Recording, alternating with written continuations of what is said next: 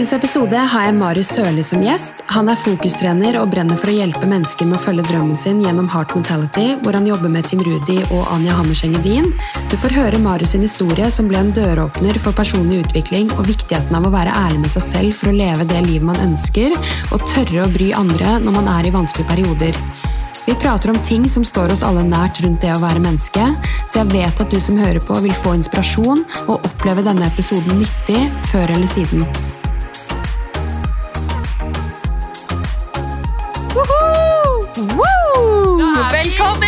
Velkommen! Velkommen! Hei, Marius! Nå sitter vi på kontoret her i Larvik hos Heart Mentality.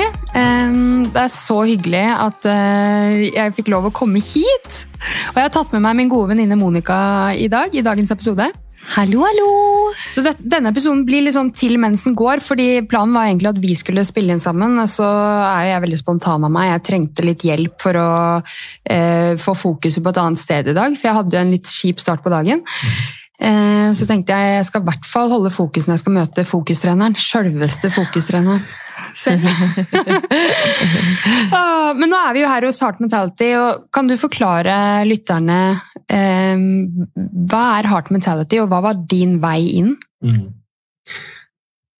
For det første, tusen takk for at jeg fikk lov til å komme. Det var veldig hyggelig. Det er en eh, utrolig kul podkast her, så digger folk som har eh, passion for inspirasjon og, og mennesker og historier, så takk for det. Jeg må gi en shout-out til Monica som er med, da, fordi det var hun som eh, tipset meg om eh, en episode du var med i, og som bare har gjort at jeg har studert deg omtrent i tiden etterpå. Så takk, Monica! Stor fan! Her har du fansa! ja. Ja, det er koselig. Det er, jeg synes det er veldig hyggelig. Så, men Hard Mentality, det er, det er jo eh, Vi har en app hvor vi egentlig gir videre det som vi har lært på vår reise. Da. Og når jeg sier oss, så er det kollegaene mine Tim Rudi og Anja Hammerseng Edin og jeg, som, eh, som egentlig er nerder på eh, hvordan kan vi leve vårt beste liv. Da. Hvordan kan vi følge drømmene våre, hvordan kan vi styre fokuset vårt, hvordan kan vi bygge oss sjøl opp istedenfor å dra oss sjøl ned. Hvordan kan vi se muligheter istedenfor å ja, bare godta at ting bare er greit, og så bare gå rundt i en tralt. Det, det har ikke funka for noen av oss. Og min vei inn i det var at jeg starta den reisen her med å jobbe med meg sjøl. Fordi at ikke jeg ja, jeg var ikke så veldig glad i meg sjøl. Jeg gjorde ikke de tingene jeg hadde lyst til å gjøre i livet. Jeg følte at jeg var så mye styrt av andres forventninger da, istedenfor å leve mitt liv. Så, så jeg var en som fulgte strømmen, og ikke drømmen. Mm. og det var noe som gjorde at jeg ble sånn ah, shit, ass, Jeg lurer på om det fins en måte å gjøre det her på. Og så husker jeg så studerte folk, og så så jeg noen som bare fulgte drømmene sine, og noen bare gjør masse kule ting. Og så er det sånn, Hva er det de gjør? Liksom? Hvordan, er det, hvordan er det de får til sånt? Og Jeg følte bare at det var fullstendig umulig, for jeg hadde liksom ikke den troa på meg sjøl. Eller jeg skjønte ikke hvordan, hva skal man gjøre, hvordan i alle dager skal man få til det der.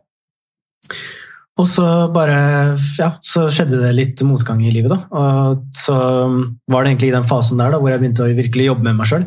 Og det var også på den reisen der hvor jeg da kjente at jeg fikk veldig mye mer lidenskap og engasjement for personlig utvikling. For å kunne jobbe med meg sjøl, for å kunne jobbe med ja, det mentale. da, Hvordan kan jeg bygge meg sjøl opp, og ikke bare dra meg sjøl ned? For jeg skjønte at det, det funker veldig dårlig, og det gir meg ikke det livet jeg vil ha.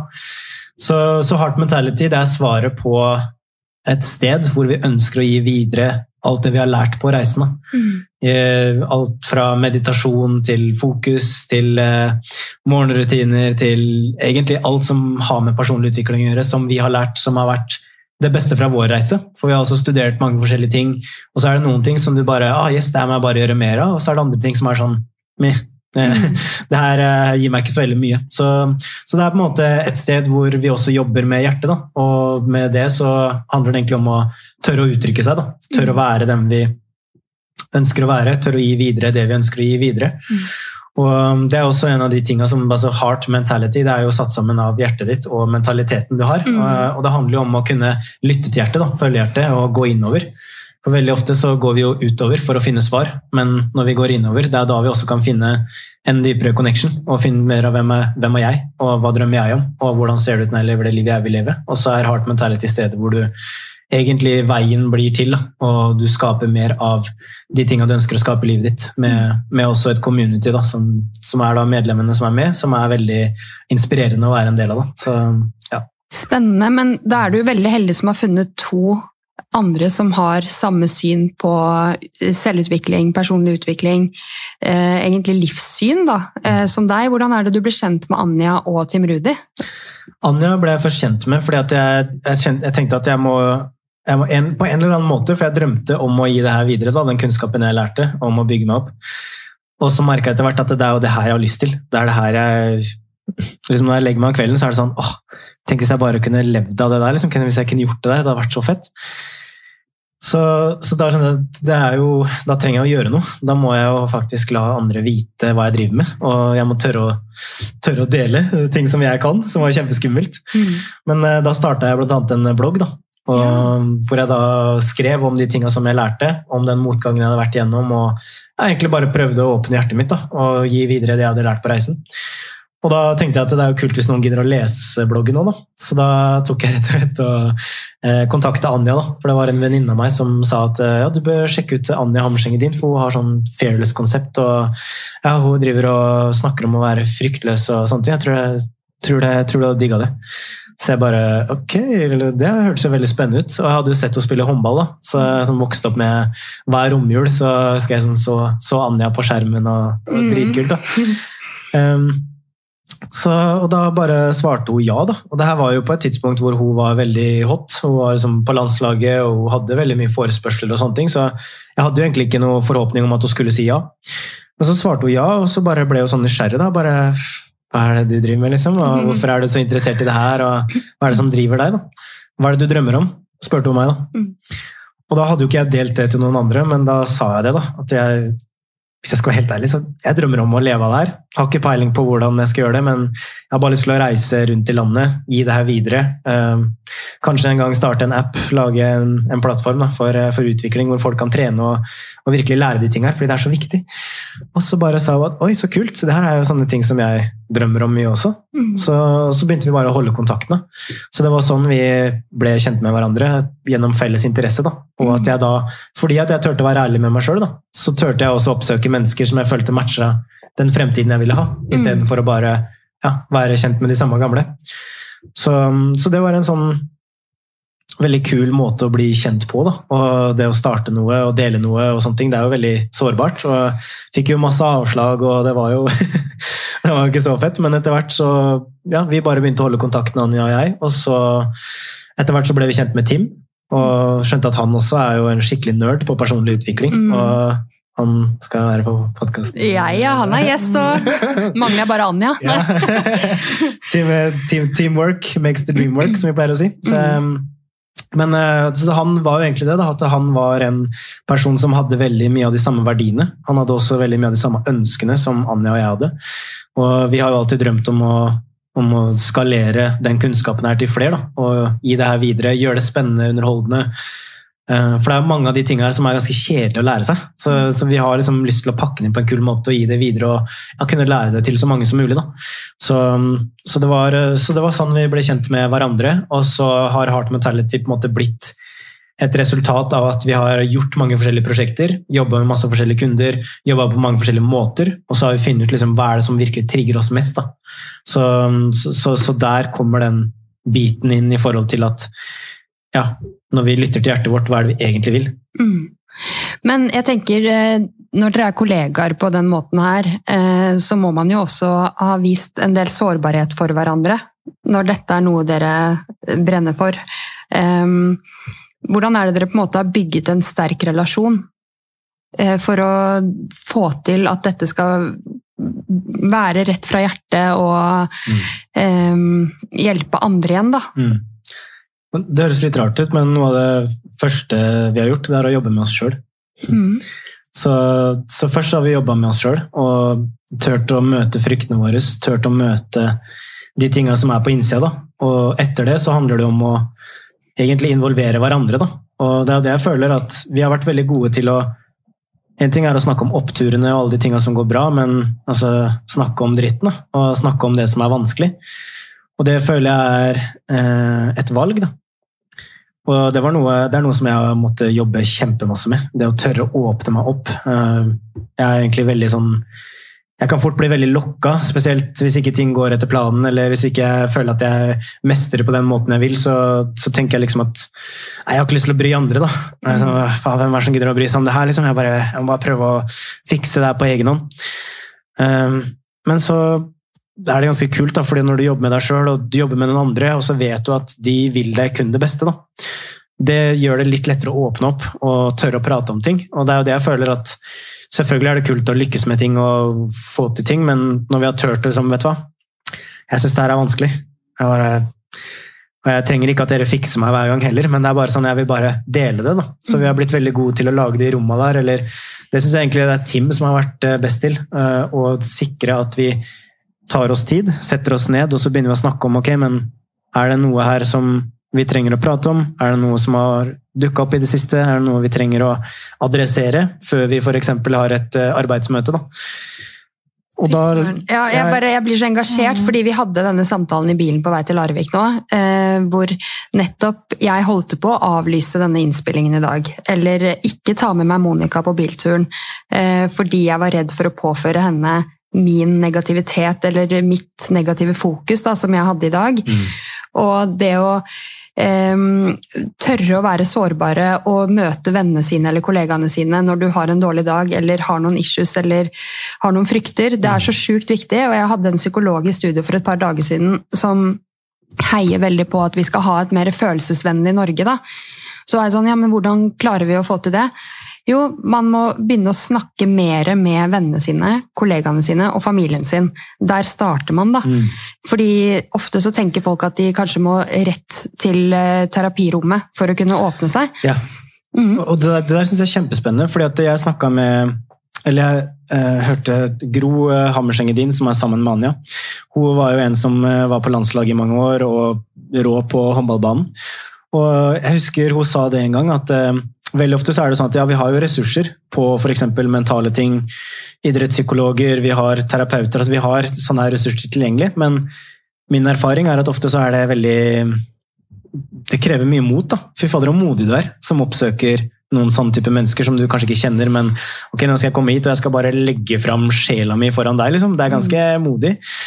Eh, men så sa hun det at en ting som jeg var veldig god til, det var å involvere eh, de på laget og liksom snakke med de. Da. Og ved at jeg turte å være ærlig og åpen med de, så fikk jo jeg satt ord på ting jeg gikk og kjente på sjøl. Så jeg brukte da strategisk de samtalene der til å være åpen til å få ting ut da, med de som jeg kjente og som jeg var trygge på. Mm. Så hun sa jo det at jeg hadde jo eh, Jeg brukte jo de på laget som en ressurs. Og det syns jeg var så kult sagt, da, for jeg tror også det at hvis du har en venn som er villig til å være der, lytte, høre deg, hvordan er det du har det, så tror jeg det bare er en sånn ja, det er, det er, en gave i livet. Da. Mm. Og det at du da kan kunne lene deg på dine beste venner, det, det tror jeg er en veldig god start. Mm. Ofte kanskje en litt enklere start enn å bare gå rett til det rommet hvor du skal møte noen du kanskje ikke helt kjenner, og den biten der. Da. Mm. Så, så er det selvfølgelig rom, tid og, og, sted for å gå rett dit også. ikke sant? Så det, det her er jo opp til hver enkelt, men jeg tror du kan bli ganske sterk sammen med vennene dine hvis du er, tør å være ærlig, tør å være åpen, tør å dele. og eh, Sånn som jeg har jobba mye med, da, tør å bry de mm. med min, min, greie. Og jeg har jo kjent på det veldig mye i forhold til at de har barn, ikke sant. De har liksom en sånn hverdag, og jeg er jo jeg lever eh, singellivet og tar livet med ro og har veldig mye tid. Da. Så da tenker jeg sånn at ja, men jeg kan fikse det, jeg kan ordne det, for ja, jeg har jo tid, og jeg har ikke barn, så jeg kan jo bare gjøre alt. Men det er jo ikke sant. Mm. Selv om det er, sånn, ja, det er sant at jeg har mer tid, men de vil jo også være der for meg. Mm. De vil jo ikke at jeg skal fikse alt eller gå rundt med følelsen av å lage høye skuldre for meg selv fordi at jeg føler at jeg må fikse og ordne bare fordi jeg har tid. Så, så det er jo en ting som jeg, og jeg fortsatt jobber med de nå. Da. Det er jo sånn, Vi er jo ikke ferdig utvikla eller ferdig trygga sammen, men vi er på en reise, da. Mm. Og vi begynner å bli bedre kjent. og jeg også var kjempeskeptisk til å jobbe med Tim, f.eks. Jeg kjenner jo ikke han så godt, og så skal vi starte selskap sammen. og liksom, Er det her trygt? og sånne ting. Vi gikk mange runder med hverandre. Men så bestemte vi oss da på starten av at vi stifta Art Mentality, at eh, nå som vi skal jobbe sammen, så skal vi virkelig sette av den tida her. Vi skal jobbe med oss sjøl. Første året skal være dedikert til personlig utvikling. Og skal vi jobbe så dypt med oss sjøl som vi kan. Og så etter der òg skal vi liksom ha mye mer fokus på å bygge business da, og Mm. Virkelig få det fram. Så, så det er også en ting som har hjulpet veldig mye, som jobber med seg sjøl. Tør å gjøre seg sjøl viktig, tør å bry andre. Og hvert min erfaring er at når jeg tør å involvere andre, så viser jeg enda større tillit enn hvis jeg ikke gjør det. Det er så sant. Men jeg kjenner veldig på den frykten å bry vennene mine. Men så kjenner jeg jo bare i dag hvor, eh, hvor fokuset mitt har snudd seg. Jeg er i mye bedre humør. Jeg er så glad for at jeg kjørte til Larvik. Eh, det å kunne snakke med en venn og liksom sette ord på at jeg hadde egentlig lyst til å eh, utelukke deg i dag og bare grave meg ned. Eh, og være ærlig på at man nesten er redd for å bry den andre og ødelegge dens dag med Ja. dine problemer. Eh, har du noen frykter som du jobber med i dag? Ja, ja. Altså, det er jo sånn fortsatt den derre altså, Bry andre-biten kjenner jeg veldig på. Og, og det er sånn jeg fortsatt kan kjenne på, men eh, altså, frykt Jeg vet ikke. Frykt for å bli dømt av enten familie, venner, kollegaer, eh, folk som ikke kjenner deg? Ja, altså, ja, altså, det kan jo være at man kjenner på en frykt rundt det, men eh, jeg føler at veldig ofte så, ja, så, så kan jeg kjenne på en frykt, men jeg, jeg prøver å gjøre det til en del av meg. Mm. Altså, sånn, si jeg skal lansere noe nytt i appen, eller jeg skal holde et foredrag, eller sånne ting, så er det sånn kommer alltid til å være noen som ikke liker det, eller ikke syns det er spennende, eller sånne ting, men har blitt veldig god til å snu fokuset litt mot at ja, men gjør det for de som lytter. da. Mm. Gjør det for de som bryr seg. Mm. Og la det handle om hva du bidrar til, istedenfor at du skal vise at du skal bevise noe. Ja. Eh, og det er jo, Jeg vet ikke om Tim snakka om det, men vi har snakka mye om det. den der, og Nå skal jeg bevise hvor mye jeg kan, nå skal jeg bevise hvor god jeg er, versus nå skal jeg bidra. Nå skal jeg hjelpe deg, nå skal jeg serve. Eh, eksempel før et foredrag, hvis jeg kan kjenne sånn hvis, hvis det er en stund siden jeg har holdt foredrag, og så skal jeg holde foredrag, så er det sånn Oi, jeg lurer på hvordan det skal gå i dag. Så kjenner jeg meg litt anspent i kroppen. Så vet jeg at det er et tegn på at ja, jeg kjenner på en frykt nå for liksom, hva som skal skje, det ukjente. Men det jeg trenger å gjøre da, det er å minne meg sjøl på hvorfor er jeg her. Hva er det jeg gjør? Skal jeg være her og vise meg fram, eller skal jeg være her og gi kjærlighet? da? Og det er jo igjen tilbake igjen til hjertet. da, altså Møte det med kjærlighet. og det, så det er sånn der, Jeg kan ha frykt for mange ting, men eh, det kan være at eh, det blir på en måte transformert når du tar kjærligheten inn i det, for da skjønner du at det er ok. Mm. Det er en grunn til at vi opplever frykt, det er ikke noe farlig. Men hvis du kjenner at frykten holder deg tilbake, så er det kanskje at man trenger å jobbe med teknikker og liksom tenke på ok, men hvordan kan jeg deale med det. Ok, nå har jeg, jeg kjenner bare en fullstendig blokkering på det her, hva gjør jeg da? Mm. Og jeg har også andre venner som jeg snakker med ting om, som, som har jobba mye med sånn breathwork og forskjellige ting i, i forhold til det. Og da er det jo øh, det å som, ja, tørre å tørre å face de tinga som er vanskelig, da, og tørre å være nysgjerrig på det. Mm. Ikke bare liksom 'Å nei, det her er skummelt', og så løpe. Eller 'Å, det her er skummelt, jeg må spise eller drikke', eller liksom gå vekk fra det. Men se på det som en mulighet til å ja, kanskje lære noe mer om deg sjøl. Forstå mer av deg selv. Og ofte, Det er et sånt quote av Joseph Campbell som, som går litt sånn vet ikke helt ordrett, men han sa det at noen ganger så er jo fryktene våre det som inneholder de største skattene våre. Mm. Og det er sånn det, Jeg syns det er så godt quote, fordi det er sånn um, Ja. Det du er mest redd for, da. Det er sånn ofte der man ofte, ofte får størst utvikling. Det er så sant! Ja, og det var det jeg skulle skyte inn litt um, på sida her. Men det at uh, hvordan du eh, setter frykt i perspektiv, har veldig mye å si. Det kan jo være din verste fiende, men det kan også være din beste venn. Fordi man kan jo spørre seg selv ok, hvordan ville livet vært hvis vi ikke hadde hatt frykt. Mhm. Ikke sant? Det hadde jo ikke blitt så interessant da. Det, og frykt er jo også med på å skape motivasjon, at vi blir mer fokusert. Det er jo der for en grunn. Så litt sånn sette det i perspektiv, da. Og når man gjør noe man frykter, følelsen etterpå bidrar jo bare Ah. positivt inn i kroppen. Ja. Det er jo bare mestring. Det, du blir glad. Um, og du får lyst til å fortsette å utfordre deg selv til en annen gang du møter på en frykt. Mm. Uh, men hvis man alltid er i komfortsona og gosser seg og koser seg, det er jo ikke der du kjenner på mestring. Da bare koser man seg, da. Det er akkurat det. Og det er jo, jeg elsker det LeBron James snakker mye om det. Han sier at eh, hvis jeg gjør feil, så vet jeg at det er et tegn på at jeg pusher den grensa mellom hva jeg kan, og hva jeg liksom er kapabel til å gjøre. Da. Så han vet at feil det betyr at jeg prøver. Feil betyr at jeg virkelig pusher, pusher grensene mine. Da. Og hvis jeg ikke gjør feil, så er mest sannsynligvis så holder jeg meg på status quo. Da får jeg ikke den utviklinga. Da holder jeg meg i det samme gamle mønsteret. Mm. Så der er det jo det å Ofte er man jo redd for feil, men han sier at feil er en del av gamet. Det er ikke noe jeg skal unngå. Og det perspektivet liker jeg i forhold til egentlig alt i livet. da. Det er en del av deg, og når du kan akseptere det som en del av deg, så skjønner du at det er der for å guide deg, det er der for å beskytte deg. Og da er frykt noe Ja, det kan oppleves vanskelig og tøft, men det er der fordi det gjør deg sterkere. da. Mm. Og da får en, du på en en- måte den meninga som blir snudd. Mm. Ja, det er en større feil å ikke prøve enn å prøve. Yes. Den har jeg liksom levd etter de tre siste årene.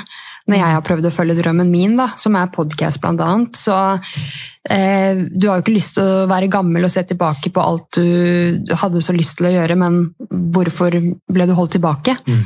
Hvorfor, liksom? Mm. Men det, jeg synes det er spennende det du sa, at i bilen da, så var du litt sånn Skal jeg si det her til venninna mi, liksom? Og, En så god venninne, til og med. ja, ikke sant? Men eh, hvordan, hvordan var det for deg, når hun åpna seg opp eh, for deg? Hvordan er det du opplevde det? Nei, vi snakket jo litt om det i ettertid, at jeg vil jo veldig gjerne at eh, hun skal komme til meg, for da føler jo jeg meg som en nyttig venn. Ikke sant? Når man føler at å ja, hun kommer til meg selv om hun har en dårlig dag, da kan hun også se meg som en nyttig venn, da. Og, at jeg, og jeg absolutt ikke at hun var til bry i det hele tatt. Men det er jo noe med at eh, der kan man jo trekke en tråd til dette med begrensede sannheter.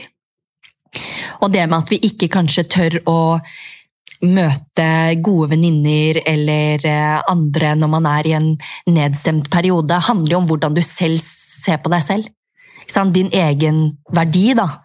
Fordi, nå mener jeg ikke nødvendigvis at dette eh, stemmer overens med deg, men litt den der at hvis du ikke føler at du kan være helt åpen med din nærmeste, hvordan, mener du at du ikke er verdig nok da? Mener du at dine vonde følelser ikke er verdig nok i andre sine øyne, da? Mm. Og dette handler jo om selvverdi. Men det er jo litt sånn tabu å snakke om dette med hvordan vi selv ser på oss selv. Vi Mye snakker jo. Ja, mye skam, og jeg har selv vært i en periode hvor å ja, ok, jeg har følt mye nedstemthet, og litt den med ha lav selvfølelse selv. Og så har jeg blitt litt sånn, jeg skriver veldig mye, og så har jeg begynt å reflektere sånn Men ville, hvis du hadde hatt et barn, ville du ha snakket til den på samme måte? Ville du ikke ha godtatt det barnet for de følelsene det barnet kjenner? Mm.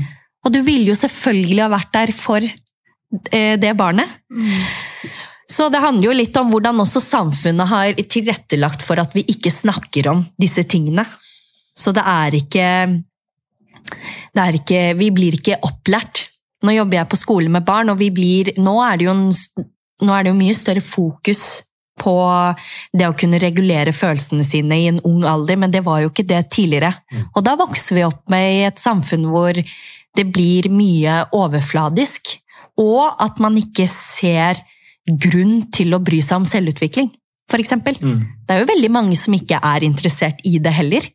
Og bare er sånn Ja, men det er sånn jeg er. Noen er faktisk ikke opptatt av det. Nei. Og det syns jeg er veldig sånn Ja, ja, ok, deg det om det. skjønner jeg. Men Jeg skjønner det også. Men jeg husker hvordan livet mitt var når jeg ikke brydde meg om det, jeg heller. Altså, det var jo sånn, jeg, fordi jeg visste jo ikke at jeg trengte det. Og det er det som er så fascinerende også, at vi, vi vet jo ikke helt at vi, at vi trenger det. Og det er det jeg syns er så spennende òg, men jeg, jeg syns iallfall det er spennende, da, fordi at det, hvis du tenker på din utvikling, da, altså din vekst altså hvordan tror, du, hvordan tror du det er for deg hvis det blir en ting som du går tilbake til? At ok, nå har jeg en vanskelig dag, nå har jeg det litt kjipt.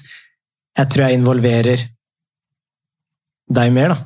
Hva, hvordan tror du det vil være for deg? Tror du det vil være en utvikling eller en innvikling?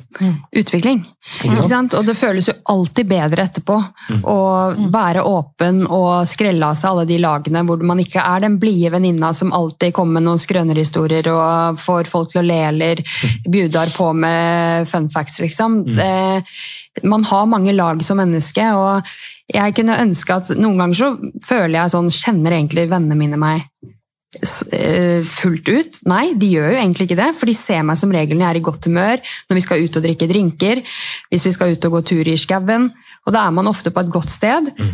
Eh, og så kan man jo selvfølgelig snakke om vanskeligheter i livet og sånn, men eh, man tar ofte ikke opp telefonen, man låser seg veldig eh, de dagene man våkner og har det skikkelig kjipt. Eh, så jeg jobber med veldig for tida å involvere flere rundt meg, selv på de dårlige dagene. Yes.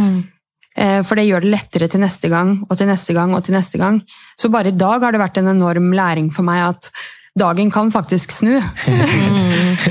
Eh, Selv om man tenker at den dagen her er bare dritt. Men nei, det er alltid mulig at eh, man ser nytt på ting. Endrer humør. eh, Gjør det du egentlig hadde planlagt, men som du egentlig ville droppe å gjøre. da. Og når vi er inne på det, så eh, lurer jeg litt på Fordi det her handler jo veldig mye om hvordan du skifter fokus. Ikke sant? Og vi har, det snakket vi litt om òg i bilen. Det skulle jeg kanskje ikke sagt. Jo, jo, vær så god. Det må du bare ta med. Ja, ja. Men eh, Jo, men at dette handler om dette med å skifte fokus. Og det med at vi har så mye mer kontroll enn det vi tror. Mm. Fordi at eh, det du sier til deg selv oppi hodet ditt, det blir jo en virkelighet. Og du kan velge å stole på det, eller så kan du velge å gå Utfordre det. utfordre det. Og det som er utfordrende, er jo gjerne noe ubehagelig. Så det vil jo hjernen, eller kroppen fysisk vil jo egentlig ikke den veien. Du kan kjenne et ubehag når du gjør en forandring i livet òg. Det er bare alle cellene dine sier nei. Og det er jo fordi det er helt ukjent for hjernen din og bare kroppen din. ikke sant? Og hvordan har du jobbet med fokusendring sånn i den perioden du har hatt? Fordi du har jo gått gjennom en heftig runde. Kan ikke du ta oss med litt sånn tilbake til da du, du sa jo så vidt det i stad, men litt hvordan historien din har vært, og hvordan dette du har jobbet virkelig med å gå ut av et mønster, for det er jo det du har gjort. Ja. Og jeg har vært så mye i den samme, på en måte prøvd å endre litt mønster selv, og jeg bare innser at det er mye mer vanskeligere enn man tror, fordi hvis det hadde vært enkelt, så hadde vel alle hatt det helt fantastisk. Yes. Ikke sant? Ja, da hadde alle gjort det. Og- Ja. Men så gjør det ikke alle det, og hvorfor ikke? Og det, det var jo sånn det starta for meg. da. Jeg ble jo veldig Altså, det var jo veldig ufrivillig, den uh, måten som uh, som jeg kom inn i, i personlig utviklingsverden. Fordi at uh, jeg var ja, Det var når jeg var i starten av 20-åra.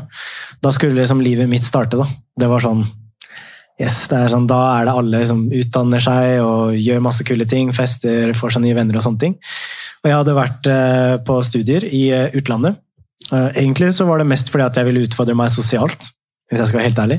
Fordi at det verste jeg visste, var å snakke med, snakke med folk jeg ikke kjente. Jeg var kjemperedd for det, og mye av det handla jo litt om det vi har snakka om, da, at jeg var veldig ja, jeg så ikke min verdi. da.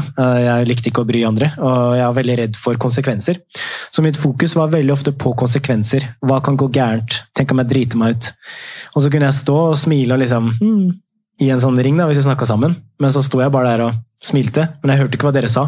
Jeg, inni hodet mitt så bare Kanskje jeg skal si noe? Nei, ikke si noe. Det er så dumt å høre på uansett. Bare hold kjeft. Smil. Stå der. Bare sånn. Hvorfor ser du sånn på meg? Er det den T-skjorta? Jeg burde tatt en annen T-skjorte. Jeg vet det. Faen. Smil. Jeg sto sånn, da. Jeg, jeg snakka med meg sjøl. Og jeg gjorde det så ofte. Spilte fotball. Var egentlig ganske god i fotball. Og ja, pleide å skåre mål, målgivende pasninger. Men eh, hvis jeg, hvis jeg skårte tre mål da, i en kamp, og så slo jeg en feilpasning, hva var det jeg tenkte på når kampen var ferdig? Hva du ikke var god på. Ikke sant? Feilpasning, bomskudd og sånne ting. Og det var, liksom, det var story of my life. da. Så, så jeg, var, jeg var topptrent i det fokuset. Jeg trente opp det fokuset hvor jeg bare så det jeg ikke hadde, det jeg ikke var. Og hva skjer? Jeg pleier å beskrive det som at du har et fokus. Da. Det er som en kameralinse. Og når du putter det inn i kameralinsa di, da, da ser du det tydelig og klart. Og når du ser det gang etter gang etter gang, så blir det til slutt en historie. Sånn er det. Jeg gjorde feil, jeg gjorde feil, jeg gjorde feil. Jeg så feilene mine. Ja, jeg er en feil. Jeg er ubrukelig. Jeg er ræva. Så folk kunne jo komme bort til meg etter kampen og si flate, Marius, bra kamp i dag. Hat trick og og bra det andre målet der og sånn. Og jeg bare «Øh, Så du ikke den feilpasninga? Mm. Som bare Jeg hadde et helt annet bilde av den kampen enn det den personen hadde. Og det jeg lærte, da, det var at uansett hvor mye folk fora meg med positive ting, så hjalp det ingenting. For jeg klarte ikke å se det sjøl. Og jeg hadde jo så mange mennesker rundt meg. Jeg hadde familie som var glad i meg, jeg hadde venner som var glad i meg. de, de sa jo ofte gode ting. De var støttende, de var gode mot meg. Jeg hadde så mange grunner til å ha det bare dritbra. For jeg hadde dritbra folk rundt meg. Jeg hadde så mye å være takknemlig for. Men jeg fokuserte ikke på det. Og, og det er litt sånn det jeg ikke fokuserer på, det ser jeg ikke. Fordi det er bare blurry i kameralinsa mi. Og da er det sånn at jeg, jeg klarer ikke å se hva det er. Jeg klarer ikke, å- heller ikke å forstå det. Og det var jo det her som eh, var altså jeg, jeg var en som hata meg sjøl, altså, hvis jeg skal være helt ærlig. da. Jeg, jeg hata meg sjøl. Jeg, jeg kunne være sånn, hvis jeg hadde en dårlig trening for eksempel, på fotballbanen, så kunne jeg komme hjem og så bare Nei, nå skal ikke du spise. Oi. Du har vært så jævla dårlig, så nå får du, bare, nå får du fader ikke noe mat. Altså, jeg, jeg var sånn, da. Jeg drev og straffa meg sjøl for å ikke være bra nok. Så, og da kunne jeg legge meg om kvelden og ha vondt i magen da, og bare kjenne at jeg bare jeg lå der og bare var så sint på meg sjøl. Bare, sånn, faen, var- bare dro meg sjøl så mye ned. Eh, og det var jo bare sånn fotball, liksom. Fotball er ikke hele livet, men for meg da, så var det det. Så jeg kom til et punkt hvor jeg, jeg hadde to uker til jeg skulle ut og studere i Bali. Og hadde fått meg nye venner da når jeg dro, var i Brasil, var der jeg studerte. Og endelig turte å snakke litt med folk og sånt. Så jeg wow, ble kjent med nye folk. Mission accomplished. Så det var jeg veldig glad for at jeg mestra det lite grann. Men det var fortsatt ikke noe jeg var komfortabel med i det hele tatt. Så det er ikke sånn at jeg bare Å ja, da ble jeg god på det, og så nå fikk jeg meg nye venner. Det var ikke sånn, det tok kjempelang tid. Og jeg, jeg kan gi et bilde på det. da, altså når jeg dro ned dit, til Brasil, så var det sånn at jeg satt med jeg husker det så godt. Jeg satt med liksom, en hoodie på, jeg hadde på meg ørepropper. Eh, Jeg hadde jeg hørte på et album av Childish Gambino, som jeg liksom spilte om og om igjen.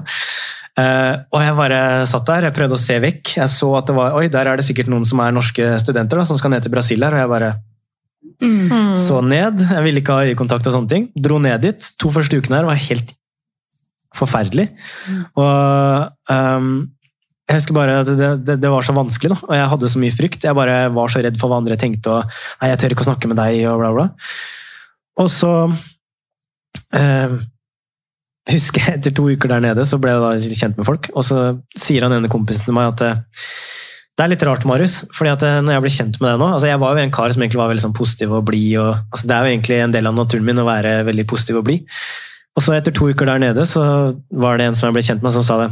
Det er så, det er så rart å bli kjent med deg nå, Marius, at når du kom ned dit, så var du så sur. Og jeg bare Stopp da, liksom. Nei, først det var liksom opp med skjoldet, jeg er ikke sur, hva snakker du om? Og så begynte jeg å tenke på det. Og så fortsatte jo han, han ga seg ikke. Så han bare jo, jo, husker du ikke det når du kom ned? Du bare satt og hørte på musikk og hadde på deg hetta di og satt der og leste den der boka di og liksom, du ville ikke ha øyekontakt med noen. Og når han sa det, jeg bare å fy, det er sant, altså. Og, da, og det jeg skjønte da, er at oi, omgivelsene ser nå min frykt. Mm. Omgivelsene ser nå meg. Mm. Og jeg var sånn, shit, det er jo ubehagelig da. Men det lærte meg utrolig, en utrolig viktig lærepenge, og det er at altså, måten jeg er da, og måten jeg utstråler til andre, det påvirker veldig mye hvis man har lyst til å være sosial med noen. Mm. Jeg går ikke bort til noen som rynker panna og ser ned og ser bort hvis jeg prøver å få øyekontakt. Da tenker jeg sånn, oi, kanskje du har lyst til å være alene i dag? Ja, ja. Så, så jeg skjønte jo det, at eh, jeg sender jo motsatt signaler av det jeg egentlig vil. Jeg vil ha connection, jeg viser beskyttelse. Og det var en veldig lærerik opplevelse. Selv om det smalt i magen når jeg fikk høre det, så var det sånn Å, tusen takk for at du sa det. Takk for at du var ærlig. Igjen, ærlighet er kanskje noe av det Altså, ja, Det er kanskje noe av det fineste med kjærlighet. da. Altså Kjærlighet, ærlighet er jo siste Åh, det snakket vi også om i byturen, det der med ærlighet. Det Ja. er så viktig. Yes. Det er det som bygger relasjoner, det er det som gjør at folk kjenner seg igjen i deg som menneske, og kan relatere seg til deg som menneske.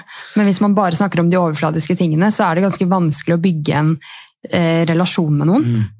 Det er kjempe, kjempevanskelig. Og, og, jeg sleit jo fortsatt med det, og syntes jo det var vanskelig. Og jeg, men jeg kunne jo være klovn sammen med vennene mine, og liksom være helt crazy. Og, eh, Jo, men det var jo fordi det var komfortabelt. ja, og sant? Mm. trygt, ikke sant? Og de hadde jeg bygd relasjon med, men helt nye så var det bare helt sånn Ja. Og så bare ble han som smilte, da. Og det var jo sånn folk så meg, han som smilte. Mm. Men jeg sa ingenting. Og det du egentlig hadde trengt der, er kanskje at folk hadde blitt, vært mer nysgjerrig på deg. Mm. ikke sant? Og kommet bort. Men så er det jo det med at man Apropos at man er selv ansvarlig da, Ja. for eh, sine egne handlinger. Og det man ønsker å ha tilbake igjen. Mm. Ja, Hvis du ønsker at folk skal være ærlige mot deg, så må du være ærlig selv. Det starter jo i bunn og grunn med deg selv først. Ja, ja. Det er så viktig, og det hadde jo ikke jeg peiling på, så jeg burde jo snakka med deg før jeg Da. Jeg burde hatt den kunnskapen her tidligere. Men eh, Det er derfor vi er på en reise Livet hele er et, livet. livet er et lære. ja. ja, Livet er liv er et lære. Ja, ja, ja, ja, ja, ja. Det er som så. ja. Uh, nei, og så uh, var det veldig fascinerende. og Så uh, kom jeg da hjem der, og så jobba jeg da i noen måneder før jeg skulle videre ut og studere. Og så uh, er det da to uker før jeg skal reise til Bali og større personlig trening og sånn. Så jeg gleder meg til det. Jeg synes det er veldig spennende. Bali er dritnice. Ja, ja. Og, og surfe og ja, nei, det var, uh, det var good times. Men, Men så to uker før jeg skulle dra dit, så var jeg på en fest. Og da Ja. Den kvelden endte med at jeg drakk kjempemasse på veldig kort tid. Så begynte det å bli sånne svarte flekker i løpet av kvelden.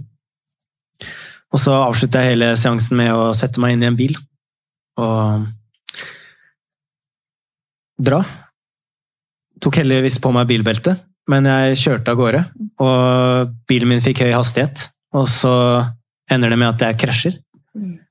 Og jeg planter bilen inn i et eh, autovern ved en bomstasjon.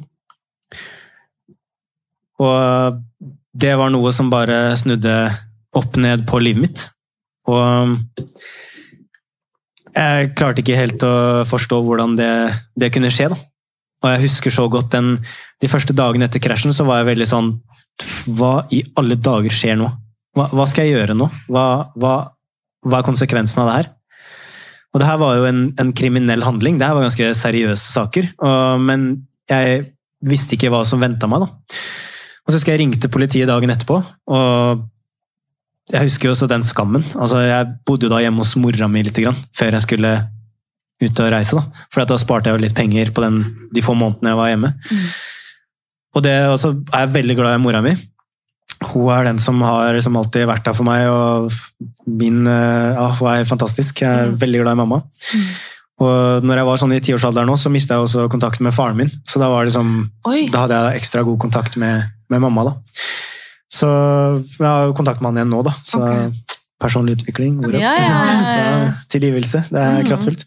Men eh, da husker jeg bare det, da, den tanken på å dra hjem fra sykehuset. eh, komme hjem, oppklipte klær, så ut som en dass.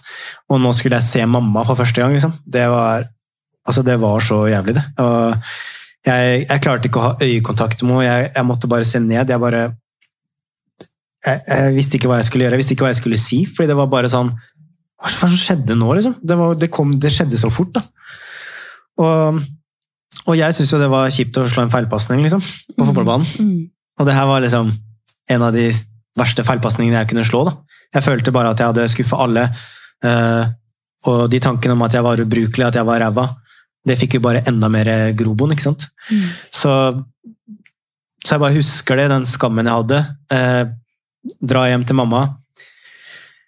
Klarer ikke å holde tilbake følelsene, bare begynner å grine som en liten unge i armkroken hennes. Og bare Sorry, jeg, vet ikke hva som har skjedd, jeg vet ikke hva jeg skal gjøre. Og så ringte jeg da politiet dagen etterpå. Og så spurte jeg sånn, ja, hva skjer nå, kan jeg reise? Eh, hvis jeg rømmer landet nå, liksom, kommer dere og henter meg, eller hva, hva skjer? Ja, du kan få lov til å reise, men når du kommer tilbake igjen, da skal du inn i retten. Så jeg bare, ja, det er greit. Det, det hørtes greit ut. Så da reiser jeg ned dit, er der i tre og en halv måned. Kjempenice. Men første ukene der nede var jo helt jævlig. Og da lærte jeg en veldig fascinerende ting, og det er at eh, selv om du drar til andre siden av verden, så har du fortsatt med deg fokuset ditt. Ja. Du kan Eh, ikke rømme vekk nei, fra problemene dine. Du tar deg med. Mm. Så det er akkurat det, så jeg trodde liksom at nå skal jeg bare få glemt det, nå skal jeg bare få litt avstand, deilig. Husker jeg første ukene der nede, så dro folk ut på byen, og så satte jeg meg ned på en sånn fæl lilla sofa som vi hadde på en sånn villa som vi hadde der.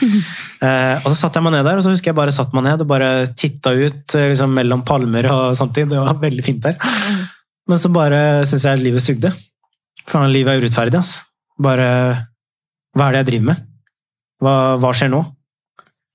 Hva er det Ja, jeg, jeg klarte ikke å forstå det, da. Jeg bare, hva, hva, er det her for noe? Mm. Og jeg husker jeg hadde en sånn derre sånn stemme som bare næga så sjukt, og bare ga meg liksom ikke fred. Bare dro meg ned hele tida. Det var så slitsomt. Og jeg er også en som tenker veldig mye. Så da, da var jeg veldig oppi hodet mitt, og jeg kan, liksom, jeg kan kjenne at jeg blir fysisk sliten når jeg tenker mye. Og, og det var så mye tanker, det var sånn tusen tanker, og så var det null svar. Og det er så frustrerende. Så jeg visste ikke hva jeg skulle gjøre, eller hvordan jeg skulle deale med det. eller noen ting. Men så hjalp det jo lite grann da, utover liksom de månedene der. Men da skulle jeg jo hjem ikke sant? når det begynte å bli litt bedre. Og da blusser det veldig opp igjen, for hva skal jeg gjøre når jeg kommer hjem? Jo, da skal jeg i retten. Så, og da er det jo litt sånn Når du er der i tre og en halv måned, så er det sånn at folk liksom gleder seg til å komme tilbake til norsk sjokolade. og Jeg husker eh, han ene kompisen min, jeg sa at jeg likte Smash-sjokolade. Mm. Og, så, og så var det jo ikke Smash-sjokolade der nede. Men så husker jeg at mora hans sendte en pose Smash ned til oss. Og da etter tre måneder så fikk jeg da nyss på det, da, at hun mora hadde sendt Smash-sjokolade til han Mm. for at vi skulle feire når vi liksom var ferdig med skolen da, med den sjokoladen der. Og så begynte jeg, jeg begynte å gråte av glede. Jeg bare, shit, altså, jeg bare, hva skjer nå? Liksom? Jeg ble så emotional. Liksom. Bare, satte jeg så pris på de tinga der. Da. Så jeg vet egentlig ikke hvorfor jeg nevnte det, men uh, det En del av historien. Det er en del av historien. Og, Jo, jo, men jeg skjønner. Det er jo også litt for å poengtere at du var i en veldig sårbar situasjon når du kom ned dit. Mm. Du var veldig oppi hodet ditt.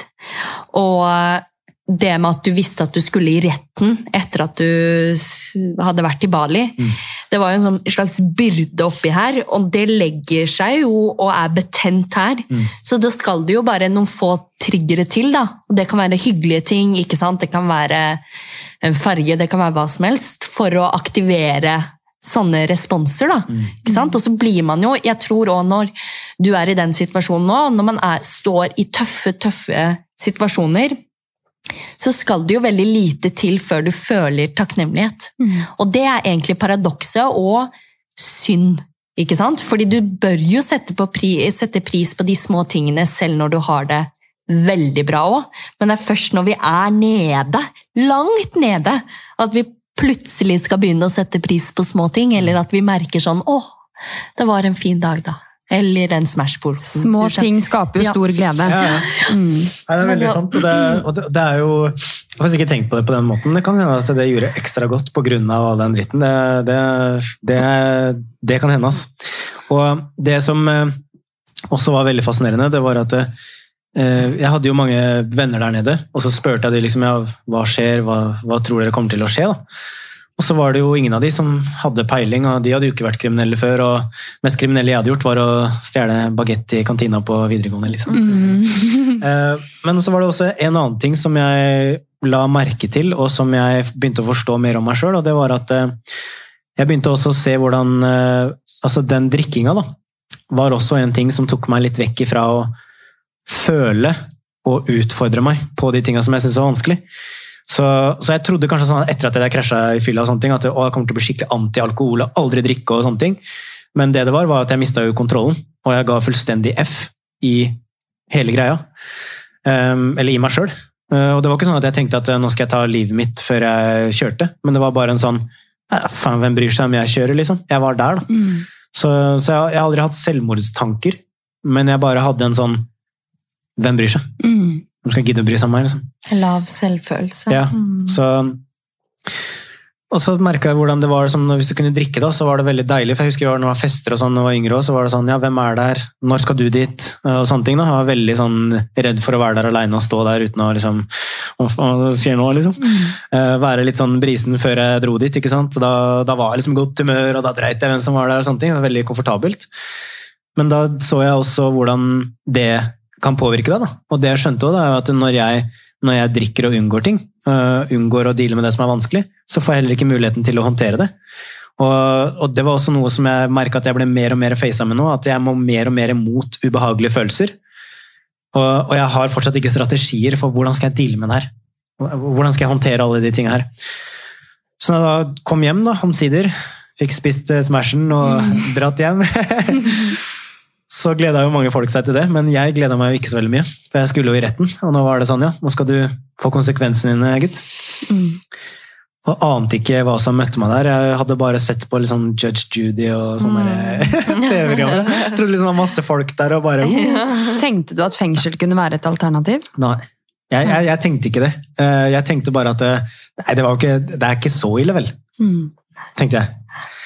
Og så bare møter jeg opp der, og ja, mora mi kjørte meg, da. For jeg turte jo ikke å kjøre før jeg før Kunne jeg ikke kjøre, si. Nei, nei ikke sant. Så det, og jeg, jeg visste ikke, jeg turte ikke å ta noen sjanser, da. Så mora mi kjørte meg til retten. Så da møtte jeg opp der, og så fikk jeg høre da dommen min. da. Og det var jo veldig lite glamorøst. Det var liksom, det var en dommer. Det var en uh, sekretær da, som skrev ned det dommeren sa, og så var det et vitne da, som hadde sett meg den kvelden, som satt der. da. Men eh, altså, jeg hadde jo blitt henta ut av vraket av politiet. liksom. Det var jo de som banka på ruta og sa 'bli med meg ut'. Oi. Så, så jeg, jeg, hadde jo, jeg måtte jo da innrømme det. Men gikk det bra med deg? Eh, Ja, heldigvis så gikk det bra. Og altså, jeg hadde jo Heldigvis så hadde jeg på meg belte. Og så altså, Heldigvis, kaller det men når du er full, så blir du veldig sånn slapp i kroppen. ikke sant? Så De trodde kanskje at det kan ha fjøra litt av bevegelsen, enn at jeg hadde sittet og liksom spent meg fast.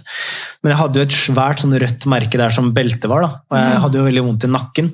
Så jeg fikk jo sånn eh, nakkekrage liksom, over natta, da, bare sånn for å stabilisere det og sånne ting.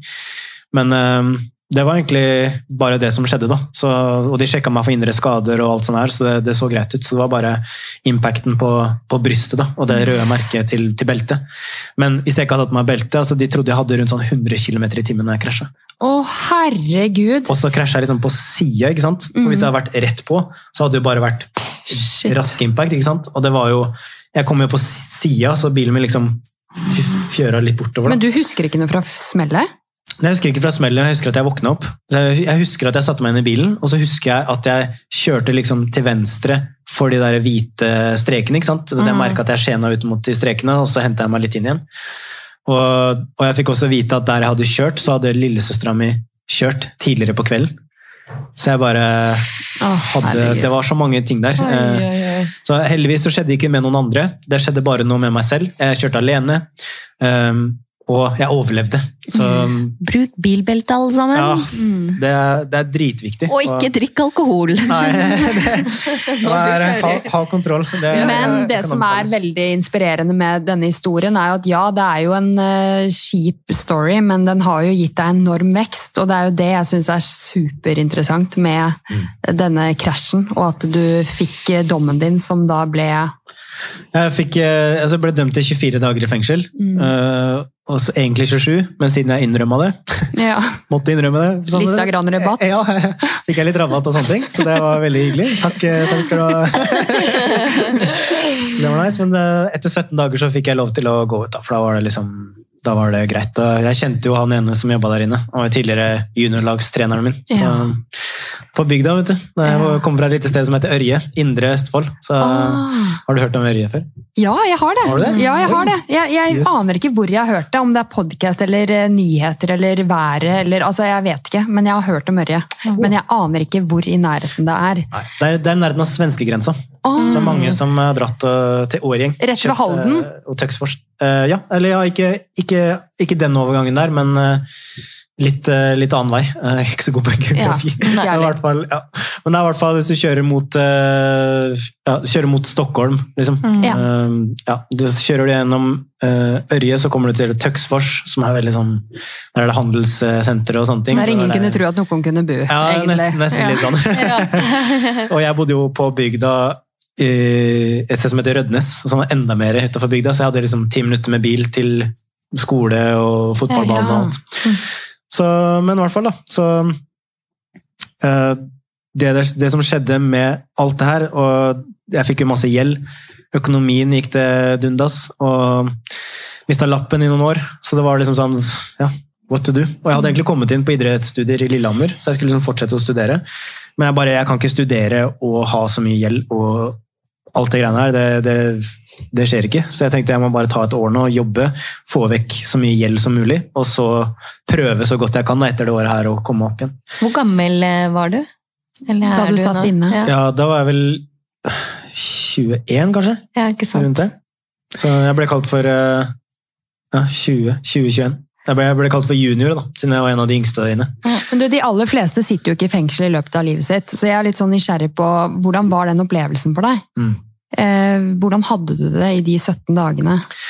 Ja, altså Det viktige detalj da, det var jo at før det her skjedde, så tenkte jeg jo at nå trenger jeg hjelp. Første gangen i livet mitt så tenkte jeg nå trenger jeg hjelp. Stilte meg selv spørsmålet, ante ikke hva jeg skulle gjøre, men jeg bare kjente at Det er så mye oppi her. Jeg vet ikke hvordan jeg skal deale med det. Så det var da jeg da lå på sofaen. Elsker den biten der. Ja, jeg lå på sofaen. Det var bare noen uker til jeg skulle inn i fengselet. Jeg bare, fader altså, hva, hva skal jeg gjøre? Men det eneste jeg følte, det var at jeg følte meg som en svær taper. Så jeg gikk da inn på søkefeltet på YouTube, og så skrev jeg det. Why am I a loser? Og så kommer det opp en video der med en som heter Les Brown. Og så snakker han om det, da. Winners and losers. Og så bare trykker jeg på den videoen, da. Skal jeg fader i meg få svaret, liksom? Så kommer han da, ut på scenen der og bare Vet du hva tapere gjør? Jeg bare veldig glad bare det. Vet ikke.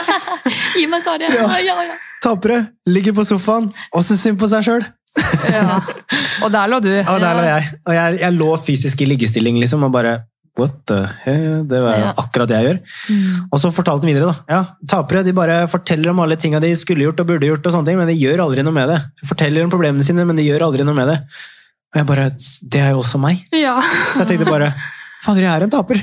Ja, ja, ja. Men så sa han noe i videoen, der han sa at det er vinnere som bare kjører på og de bare går etter det. Og så har du tapere som graver seg ned og ikke gjør en dritt. Men så har du også de som er vinnere, men de har bare ikke lært å vinne enda. Mm. Og det var for meg en sånn oh, Det er fortsatt håp, liksom. tell, tell me more. Ja. Det her vil jeg lære om. Eh, og en ting er liksom vinner og taper og liksom veldig sånn klisjéaktig, men altså jeg, jeg, det var noe med det budskapet da, som jeg trengte. Og det er liksom som jeg pleier å si, at i den perioden her så hadde jeg mye støtte. Venner som sa at det går bra, det går over, og alle, mange rundt meg som sa at det her kommer til å ordne seg. Men jeg følte det ikke sånn. Ja, sikkert fint det, men hva kan jeg gjøre? Mm. Hva, hva kan jeg gjøre med alle de tankene her? Jeg vet ikke hva jeg skal gjøre. Det hjelper ikke å bare si å, det går bra, det går over. Jeg har lyst til å føle meg bedre nå. Hva kan jeg gjøre? Så det var jo da det budskapet hans traff meg så veldig, fordi at han fortsatte jo videre å snakke om det du kan gjøre. Det er at du kan fortsette å ligge og synes synd på deg sjøl. Ellers kan du begynne å deale med ting i livet ditt. Og så kan du begynne å tenke på hva du fokuserer på, og så kan du begynne å ta ansvar for det som har skjedd. Og så kan du tenke på hva du lærte, og så kan du begynne å tenke på hvilke valg kan du ta fra det øyeblikket her og framover. Mm. For det som har skjedd, har skjedd. Du får ikke gjort en dritt med det som har skjedd. Da må du, ha, da må du reise i tid. Og det, kanskje det skjer etter hvert med den teknologien vi har, men inntil det så må vi akseptere det. Det som har skjedd, har skjedd. Du får ikke gjort en dritt med det. Og alt du har gjort fram til det øyeblikket her, det var litt sånn eh, mindfuck, men det var sånn herre Alt du har gjort fram til det øyeblikket her, det har leda deg fram til det øyeblikket her. Og det er jo så sant. Tenk hvor mye Mm, tid vi bruker på å angre, eller eh, henge tilbake i fortiden på alt man skulle gjort, burde gjort, som du sier. Ja. Eh, og man får faktisk ikke gjort noe med det. Ja. Og jeg elsker den, jeg syns jo du er superinspirerende og elsker den historien her, som har gjort at du faktisk jobber som fokustrener i dag. For jeg syns det med fokus er så sjukt viktig. Mm. Fordi vi har Det sitter i hodet. Ja, Ja. Og det er der du ser det fokuset, og hvordan det spilte inn. For da så jeg hvordan fokuset mitt blir jo bare dratt til det som har skjedd. Mm. Eller dratt til konsekvenser av det som skal skje. Og da lever jeg jo nesten i frykt hele tida. For jeg frykter liksom det som har skjedd, og jeg frykter det som skal skje. Så jeg klarer ikke å sette pris på noe her og nå. Og det var det jeg merka at jeg hadde den kampen som dro meg tilbake, dro meg fram i tid hele tida. Jeg klarte ikke å være til stede. Jeg klarte ikke å være Jeg følte ikke at jeg var til stede i livet mitt. Jeg var bare oppi hodet mitt. Og, og det var jo Men det var akkurat det jeg trengte å høre før jeg gikk inn i fengsel. Fordi da skjønte jeg det at hvis jeg fortsetter sånn her, så går det til helvete. Hvis jeg fortsetter sånn her nå, så kommer jeg til å ødelegge meg sjøl enda mer. Da kom jeg bare, jeg vet, da, Gud vet hva som hadde skjedd hvis ikke jeg hadde blitt utfordra den gangen der. Og lært meg strategier og nye måter å håndtere fokuset mitt på. Fordi at var, Jeg hadde ikke det. Jeg har gått gjennom masse år på skole, men jeg hadde ikke lært meg å deale med meg sjøl. Og det er sånn What? Ble det tid for det i fengsel? Altså Ble fokus egentlig din hovedoppgave eh, som du jobbet med det, mens du satt inne? Ja, det, det ble det på mange måter. For da, da skjønte jeg det at ok, men jeg er fortsatt den samme personen, men fokuset mitt kan jeg styre. Det kan jeg styre annerledes. Så det bestemte jeg meg for. Før jeg går inn i fengselet, så må jeg bare ha noen Jeg må lage en plan. da. Og jeg har jo sett liksom på Prison Break og sånne ting, så jeg liksom jeg, jeg var jo litt redd òg, si. Ja. Så du lagde en rømningsplan? ja, jeg bare tatoverte hele kroppen og nei, da. Men eh, møtte du noen eh, mennesker Ja, eller andre folk masse- som kanskje inspirerte deg til eh, noen valg du Ja. ville gjøre etter eh, du kom ut? Godt spørsmål, fordi kan man møte inspirerende mennesker i fengsel?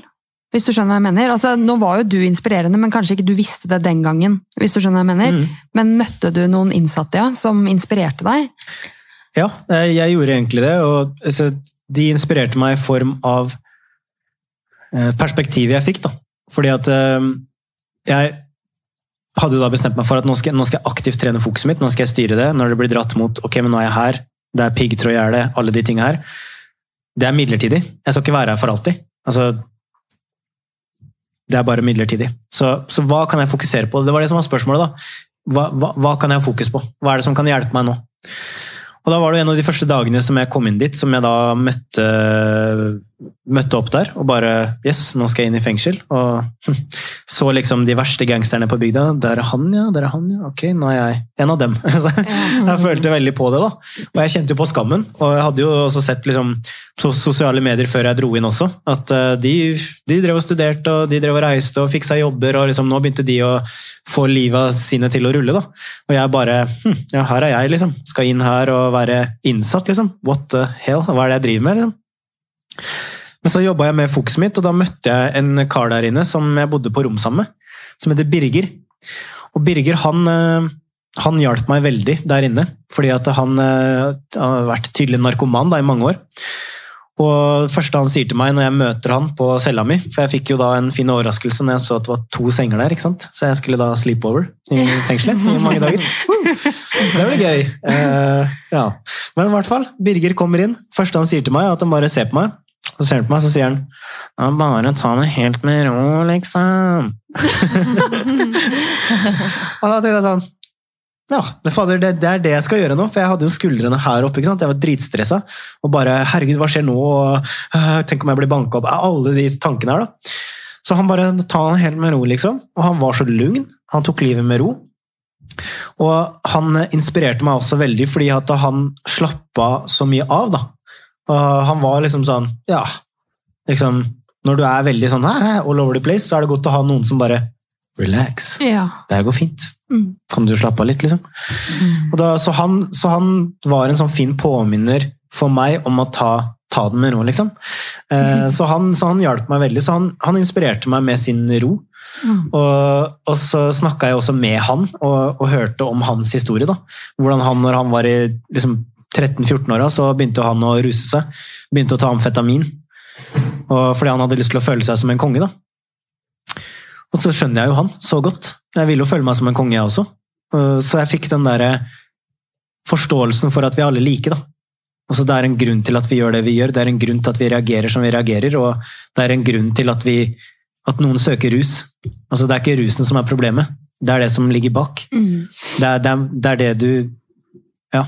Så, så det var veldig eh, lærerikt møte mennesker som han, som kunne fortelle om sin reise. Og han, det han også gjorde, det var at han fortalte om livet sitt. Og han hadde jo ingen venner, eller han hadde jo ikke noe stabilt i det hele tatt. Hele når jeg var der inne, så prøvde han å få seg et sted å bo. Liksom Fikk hjelp av Nav og masse sånne greier. Og så var det sånn Ja, hvordan gikk det, Birger? Bare sånn Nei, jeg vet ikke. Det er liksom sånn der, han hadde liksom gitt opp. da. Han hadde ikke noen plan med livet sitt. Han hadde ikke noen venner, han hadde ikke noen familie. Han hadde ingenting. Mm. Og det ga meg så sykt perspektiv på at hva, hva faen er det jeg klager for? Mm. Jeg har to jobber som venter meg når jeg kommer ut. Jeg har venner, jeg har familie. Jeg, jeg får en ny sjanse. Jeg har ikke gitt opp. Jeg vet at det her bare er midlertidig. Jeg skal fader ikke tilbake hit igjen. Og jeg har så mye godt i livet mitt, og jeg har så mye i vente som ligger der foran meg. Og da skjønte jeg det, at jeg er fader i meg heldig. Fader om mye bra jeg har i livet mitt, og så mye godt jeg kan oppleve i livet mitt, som kanskje noen ikke klarer på samme måte, fordi at de har gått på en feil vei. De har gått på en smell, og så klarer de ikke å reise seg igjen. Mm. Så jeg, husker jeg, jeg ble så lei meg på hans vegne, for jeg syns han var en fin fyr. Mm. Så jeg aner ikke hvordan han har det nå til dags, men uh, noen ganger så tenker jeg på han og bare håper at uh, Håper du har det fint, Birger. Håper at du har fått et eller annet stabilt i livet ditt. da.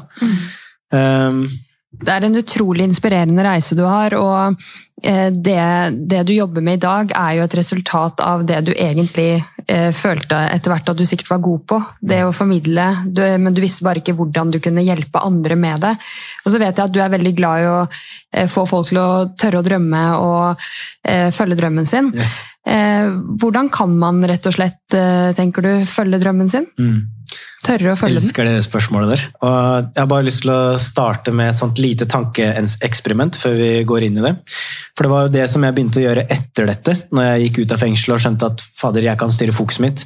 Fader, jeg har det egentlig ganske bra. Jeg har så mye muligheter. Hvis jeg bare fokuserer på dem og ser dem. Og da begynte jeg for første gang i livet mitt å drømme. Og jeg hørte et quote for litt siden som sa at eh, drømmene er i ditt DNA. Og så liksom, Hvis du begynner å tenke videre på det, da, så er det sånn at hvis du spør ti forskjellige mennesker, da, eller 100 forskjellige mennesker, så hva de drømmer om, hva tror du de vil svare? Og alle de vil mest sannsynligvis svare helt forskjellige ting. Og hvorfor det? Jo, fordi jeg tror at drømmene er i DNA-et vårt. Da. Jeg tror at alle har noe inni seg. Jeg tror at alle har en gnist. Jeg tror at alle har en Det er en grunn til at vi blir trukket mot visse ting. Det er en grunn til at noen elsker å skrive, noen elsker å synge, noen elsker å skape ting. Og det tror jeg er fordi at det ligger i DNA-et vårt. Og jeg tror det blir koda inni oss fra vi blir født.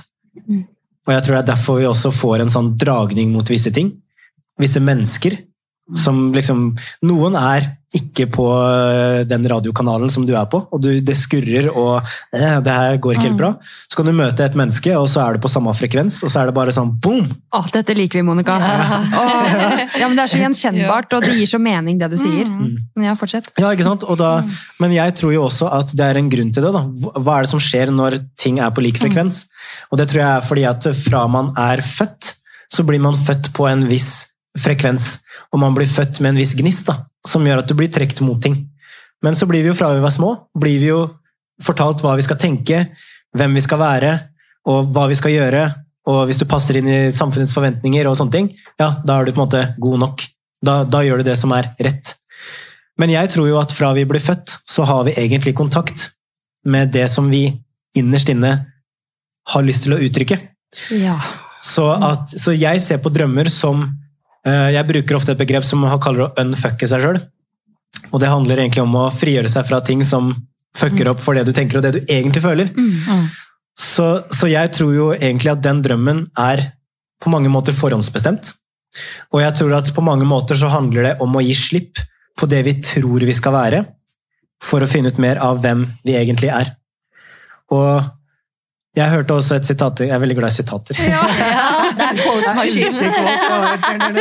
Jeg elsker quotes. Jeg ja. jeg, jeg får masse styrke av det. Så, Ja. så, så jeg tenker bare Vi også er glad i Det er bra. Ja. Ja, ja, kjør på. Det er bra. Men det, det quotet var sånn her, og det er at eh, noe av det vanskeligste det er å være deg selv i en verden som forteller at du skal være alt annet. Absolutt. Åh, ja. Åh. Ja, ja. La oss bare Da, da, da tar vi ett minutt stillhet for den, Ja. folkens. ja. Men det er eh, ja, men jeg synes at Det beskriver det så mye. Fordi at, eh, og, det her, og det her går tilbake igjen til det du sier om ærlighet. Fordi at Hvis du er ærlig med deg sjøl, så er det mange som tror sånn Hva drømmer du om? Nei, jeg drømmer om å få den bilen eller få den jobben. eller sånne ting. Og så er det sånn Ja, er, er det noe som føles ekte for deg? Er det noe som føles ut som den du er? Eller er det kanskje noe du tror? Tror du det er en forventning? Tror du at andre syns det er kult, eller syns du det selv er kult? Føler du at det kommer innifra, eller føler du at det kommer fra en sånn å, det er lurt utenifra? Det der er så Ja. bra poeng, det du sier nå. For noen ganger så kan man bli så forvirret over er dette min drøm og mitt ønske, eller er det noe som virker kult for omgivelsene mine? Enten det er å eh, late som man interesserer seg i noe, bare fordi at vennene dine er interessert i det, eller eh, se på den serien fordi alle andre har sett på serien. ikke sant? Jeg har jo aldri sett på Skam, eller aldri sett på hva heter den derre som alle har sett? Ring, ringen, ja, nei, jo, den har jeg sett, men Ringenes herre, for eksempel. Og det er bare et banalt eksempel. Har du ikke sett eh, Nei da. Ikke sant? Men så er det sånn Den må du jo se, Tina! Altså, Den har du ikke sett, den. Altså, jeg får høre så mye sånn ting som er veldig normalt å ha gjort eller sett, Ja. eh, som jeg er sånn det har jeg aldri vært interessert i. på en måte. Så kan man føle litt sånn Er det jeg som er rar? Ja. Hvorfor, eh, hvorfor har ikke jeg blitt tiltrukket disse filmene, eller Mm. um, Og så Ja. har man jo veldig mange forbilder som man ser opp til, og så kan man jo finne veldig mye inspirasjon fra folk man møter hele tiden, og tenke at å ja, det er det jeg vil bli. Ja, eller det er det jeg vil gjøre. Men så er ikke det sikkert at det er i tråd med dine verdier, eller hvordan du egentlig ønsker å være. Og så tror jeg også at det å spørre folk om hva drømmen deres er, virker som et veldig stort og fancy spørsmål. Så folk får forventninger til det spørsmålet òg. Ja. Så det å kanskje si at nei, jeg ønsker å ta det med ro og flytte dit, eller ja, å leve på en gård, kanskje ikke virker så stort nok eller bra nok. Mm. Forventning. ikke? Det er forventninger, og det å bryte opp med dette samfunnet hvor eh, vi har veldig mye forventninger, ikke sant? Det er jo også vanskelig. Det er veldig vanskelig å stå imot en strøm. Vi er jo flokkdyr.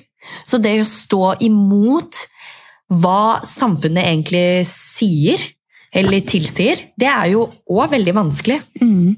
Tenker du at, eh, Tenk hvor mange mennesker vi er, og veldig mange av eh, Norges befolkning for eksempel, da, velger jo A4-liv med trygge jobber. Eh, de lever et A4-liv. Mm. Tror du at det egentlig er mange flere i den flokken her som kunne tenkt seg å ha gjort noe annet? ja, det tror jeg. Ja. Altså det, og, det, og det kan man jo også spørre sånn helt ærlig, hva ville du gjort da? Tenk, tenk hvis du ikke hadde hatt noe frykt, ikke noen begrensninger, ingenting. Mm. Hadde du fortsatt gjort det du gjør nå? Mm. Mm. Og hvis, og, og hvis svaret er sånn Yes, jeg hadde bare fortsatt å kjørt på klin til. Mm. Da tror jeg du er på en god vei. Men hvis det er sånn her, Nei, da hadde jeg bare kasta sakene mine og dratt dit og bare gitt F. liksom, altså sånn, Mm. Da hadde jeg gjort det. Sånn, Ja.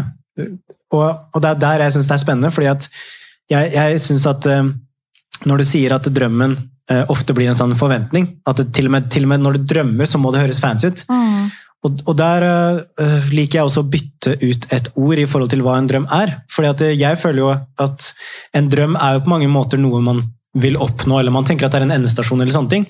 Men jeg synes at eh, hvis du bruker ordet uttrykk istedenfor oppnå, Mm. så kan du komme mer i kontakt med hva som er en ekte drøm for deg. Mm. Fordi at du, gjennom f.eks. en podkast ja, Du kan oppnå masse kule ting, du kan få resultater, du kan komme høyt på listen og bare hei, å, fett, nå er jeg liksom på tiendeplass, så fett. Men Mm. hvis det er det det handler om, så er det jo styrt av at det skal, det, det, det skal være noe konkret. Det skal liksom være noe som du kan på en måte måle. Mm. Men hvis du tenker på ja, men hvordan får du uttrykt deg? Og så tenker du at ja, men Hvis jeg er en podkast, så får jeg hatt disse samtalene som jeg elsker å ha. Jeg får, jeg får snakka med de menneskene som jeg elsker å snakke med. Og så kjenner du at ved å ha en drøm, så føler du at du kan uttrykke mer av den du er. da. Og det her er jo ikke enkelt, fordi vi har blitt trent i å liksom, igjen da, bli fortalt hva vi skal være og hva vi ikke skal være. Mm. Men jeg tror at vi allerede er. Jeg tror ikke drømmen vår er noe vi skal bli. Jeg tror at drømmen er noe som gjør at vi kan utfolde mer av det som føles naturlig for oss. Mm. For det er også noe, hvis du, hvis du blir veldig nysgjerrig, så kan du også finne mønster. Hva er det som føles helt naturlig? Hva er det som skjer helt effortless? Hva er det du gjør uten å tenke? Og der også. Der, eh, jeg har lest eh, litt fra um, Deepak Chopra, hvis du har eh, lest litt om han. Of course. Ja. Ja, Monica, vet du. Ja. Ja. Deepak Chopra. Så han er veldig kul, men han har skrevet en bok som heter Seven Spiritual Laws of Success. Og der sier han jo at en av de lovene da, til suksess, det er law of effortlessness. Mm. For at når du er i kontakt med det som er effortless, så, så flower det, og det strømmer. Og hva er det som kjennetegner den tilstanden der? Jo, du tenker ikke. Du bare er. Tilfreds. Ikke sant? Du bare er engasjert i øyeblikket, det bare oppstår. Og det kan også være sånn, eh, hvis du gjør et eller annet, og så plutselig så går det sånn fire timer, og du bare kjørte på, så var det bare sånn, shit, hva skjedde der? Mm. Det som skjedde var at du var i kontakt. Ja. Mm. Og når du er i kontakt med det som er ekte i tillegg, Mm. så, så ja. Da blir du liksom dratt mot det. Og det er det jeg syns er så spennende, fordi at når du ser på mønstrene og du ser tilbake på livet ditt, så kan du også finne mønster. Mm. Når er det du har vært i kontakt? Når vi blir født, så er vi jo fader i meg helt åpne. Og vi bare vi gjør de tingene vi har lyst til å gjøre. Nå har jeg lyst til å tegne, nå har jeg lyst til å leke ute, nå har jeg lyst til å stå på hodet i sofaen. Liksom, du, bare, du er veldig god til det. Mm. Uh, og så går du til de menneskene som du liker å være sammen med. Men du gidder jo aldri å leke. Jeg går heller til deg. Du har lyst til å leke, der går jeg til deg. Og Det er sånn der, det skal vi ikke gjøre når vi blir eldre. Nei, Da skal du liksom, da skal du jo tilpasse deg alle. da. Mm. Alle skal med, og du skal være snill mot alle. og sånne ting. Men jeg tror jo at det er en grunn til at vi også blir tiltrukket noen, og ikke trekker mot andre. Mm. Og det tror jeg også er fordi at sånn som du sa, vi er flokkdyr. Og så tror jeg det er noen som er ment for å være sammen, og noen som er ment for å være sammen kanskje i en annen gruppe. da.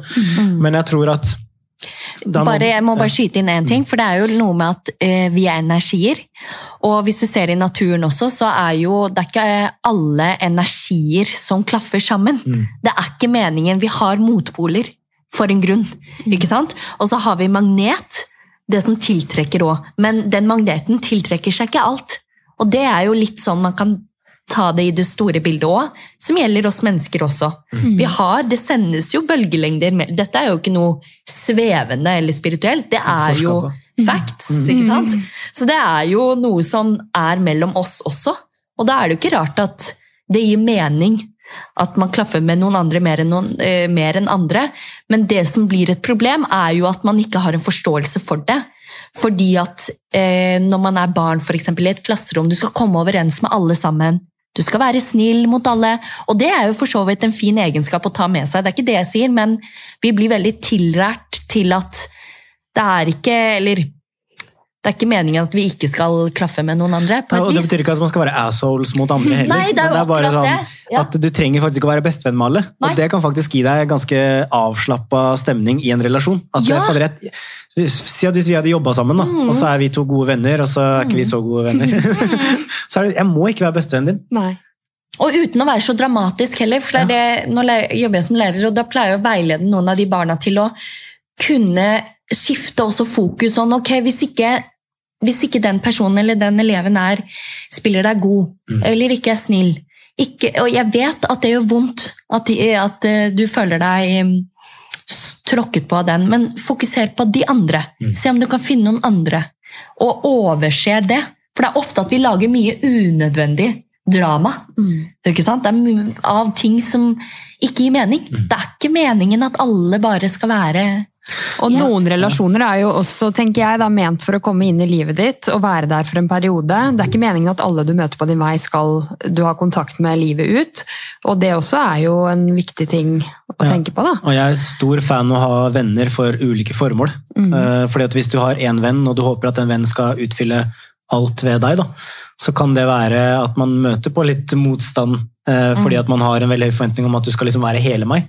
Jeg har jo noen som jeg er løpevenner, jeg har noen som er treningsvenner, nerdevenner. Mm. Eh, Jeg har liksom forskjellige typer venner da, til forskjellige ting. Og det det gjør da, Når vi kan møtes på det vi har en god energi for, så kan jo vi ofte da få en mye bedre relasjon også. Mm. Og ikke føle at noen skal liksom oppfylle alt. Altså, Jeg elsker å løpe i fjella og sånne type ting. Altså, Hvis jeg har vært med noen venner ja. Ja. Hvis jeg hadde gjort det med noen venner, så hadde de bare hatt verdens verste dag. Ikke Og hadde jeg gjort det sammen med noen andre, så hadde de bare yeah, let's Jeg tror jeg go, har fått en ny løpevenn til, da. Ja! Bare som Monica! Ses i Lofoten!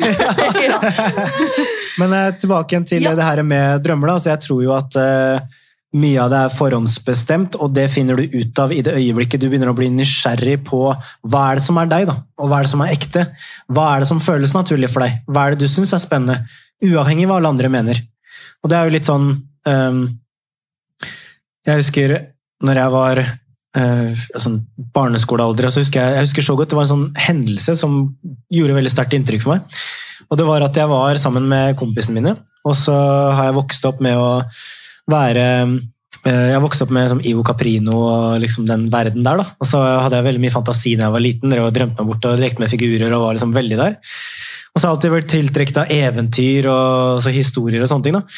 Og så husker jeg at det var en gang som jeg, jeg, jeg hadde sett mye på Revenka. da. Så- Det var en gang. det var en gang. og så Revenka, og så bare husker jeg at jeg syns bare hun der dama med nesa nedi den stokken var så lættis.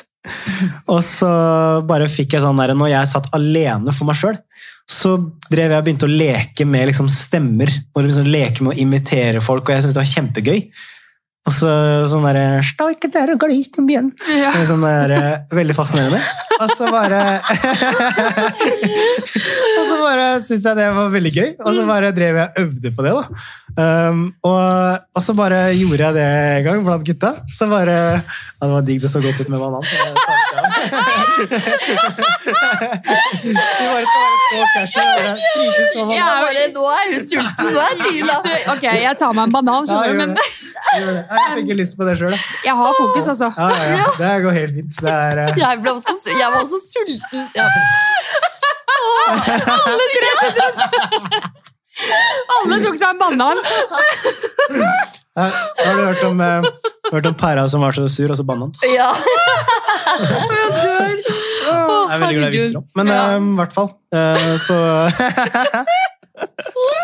så det! Ja. Nå har jo ingen tid til å snakke. Jeg Og Tina, du tenkte nå skal jeg ta meg en liten pause. Aldri sett noen så diskré ta på en svær banankloss og bare Og hun gikk fra ett bær til en banan. Det var, det var Altså, her du er det trenger, du trenger nøtter, du. Altså, Jeg har ikke Du sosiale antenner, det er det som er problemet her. Men Ja, men jeg synes det er deilig, men altså, det, jeg, jeg kan avslutte historien. Revenka. Men eh, Måtte hente litt popkorn nå. Det var storytime. Ja. Da var banan til den her. Tina bare Nå skal Marius snakke litt, ja. Nå skal jeg fortelle. Jeg dør. ok, okay. full- fullfør historien.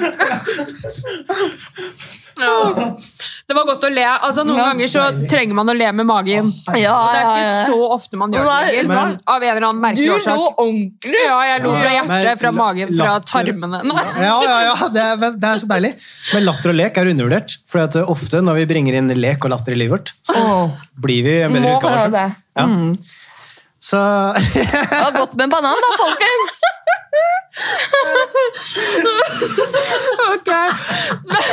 Skal du fullføre historien, eller skal jeg komme til neste Det var så legendarisk hvordan Tina tok opp den. Ja, jeg bare, Er hun seriøs? Det går ikke, Tina. Tenkte jeg bare. Can't you do it? Can't you do it? Ja. Ja. Men ok, fullfør historien. Men jeg skal fullføre historien, for det, det var et eh, poeng her. Så Herlig, skal jeg Marius. hente, Bra. Skal jeg hente fokuset tilbake. Yes. Så, så Men det som skjedde, da jeg, Nå kan ikke jeg se på deg. Da, da begynner jeg å være litt. Nå jeg se på deg, Ragnhild. Ja. Så det som skjedde, da, det var at eh, vi var, skulle på en fotballskole da, i Moss. Og så satt vi på bussen her.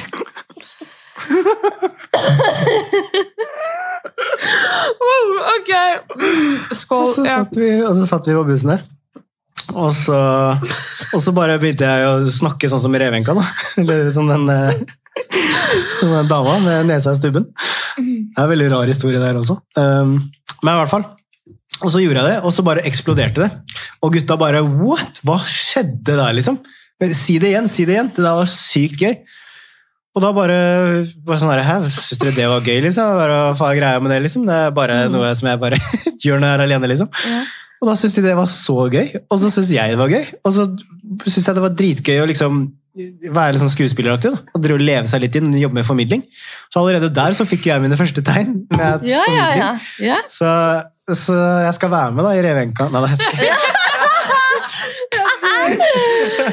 Men- Poenget ditt var jo bare at du fikk se litt sånn en annen side av deg som du ikke visste fantes. Ja, og det er, det, og Altså, det er jeg jo visste, poenget jeg visste, her. visste at det fantes, øh, men jeg visste bare ikke at det liksom, plutselig begynte jeg å uttrykke det. Ja. Og da føltes det godt å uttrykke. Og det var sånn der, hva faen, det her var, det her var rart, liksom. Det var, det var litt sånn Hva skjedde da, liksom? For Ja. det, var, det, var, det føltes ikke ut som det var jeg som gjorde det. Det bare, det bare skjedde, da. Nei, Og det det tror jeg er fordi at du er så i kontakt med det. da. Ja. Utforska du en ny side ved deg selv, da? Kanskje? Ja, eller det er liksom det når jeg ser tilbake på det, da. Mm. Men jeg tenkte jo ikke på at det var noe spess med det. Det var bare en sånn Ja, det var litt lættis, gutta syns det er litt gøy. Og så syns jeg det er gøy å imitere folk, da. Mm. Men så ser jeg nå, da, når jeg har begynt å jobbe med foredrag for eksempel, og formidling, så har jeg mine beste foredrag når jeg har litt skuespill. Mm. Når jeg lever meg inn, når jeg bruker kroppsspråket mitt, når jeg går opp, når jeg går ned. Mm. Når jeg går skikkelig inn i følelsen. altså sånn, da, da får jeg mine beste foredrag. Da får jeg sånn ternekast seks og bare ja, fy faen, det var helt rått foredrag. og sånn. Og det var sånn, Men når jeg er der, så føler jeg ikke at jeg er der. Jeg bare er. Og, og det tror jeg er fordi at jeg er i kontakt med noe som er veldig ekte for meg. Da. Mm. Og Det er derfor jeg tror også at drømmene er i vårt DNA. Fordi Mm. at når vi er i kontakt med det som er ekte, så skjer det naturlig. Mm. Og da er det samme F hva du tenker. Jeg bryr meg ikke om det. Jeg gjør det fordi jeg vil. Mm. Jeg gjør det fordi jeg syns det er spennende. Jeg gjør det fordi jeg synes det er lyst. Det er å tappe inn i din kraft. Mm. Og det jeg tror at den kraften er der av en grunn, og den tror jeg ble satt inn i deg når du ble født. Og det du sier der om at du Jeg bryr meg ikke, jeg gjør det uansett. Jeg gjør det fordi at jeg liker det. Det med å ha en eh, begrunnelse på hvorfor du gjør ting, gjør at du føler deg så mye sterkere enn hvis du ikke gjør det uten grunn. Det er jo veldig mange som går ubevisste i et liv. Veldig sånn bare går med flow og på en måte ja, bare har ikke en god grunn for det man gjør. Og da føler jeg at det er så lett for å kanskje falle ned igjen, da. Ikke sant? Og ikke være like selvsikker rundt det man driver med. Men hvordan kan man bli mer bevisst på å kjenne etter? Er det noen verktøy som kan hjelpe til for at man kjenner sånn Hva er min passion? Hva er min drøm? Nysgjerrighet. Mm. Det er en av de kuleste tingene du kan begynne med. Det er nysgjerrighet. Altså, uansett hva du gjør eller opplever, hvis du møter det med nysgjerrighet, sånn, oi, så, så, kan du, så kan du få innsikt. Fordi det som ofte skjer, er at vi gjør et eller annet, og så enten så går vi videre, eller så vil vi bare unngå det hvis det var noe feil. eller sånne ting, Men sånn, blir du nysgjerrig, og nysgjerrighet det kan du gjøre for ved å stille deg selv spørsmål. Og når du begynner å stille deg selv spørsmål, så begynner også fokuset ditt å lete etter svar. For det er også sånn hjernen vår eh, henger sammen. Den, den vil hele tida lage svar på ting. Lage historier om ting. Fordi at det er en beskyttelsesmekanisme. Fordi at hvis jeg kommer inn i det rommet her, og så lager jeg ikke en historie om dere er trygge eller ikke.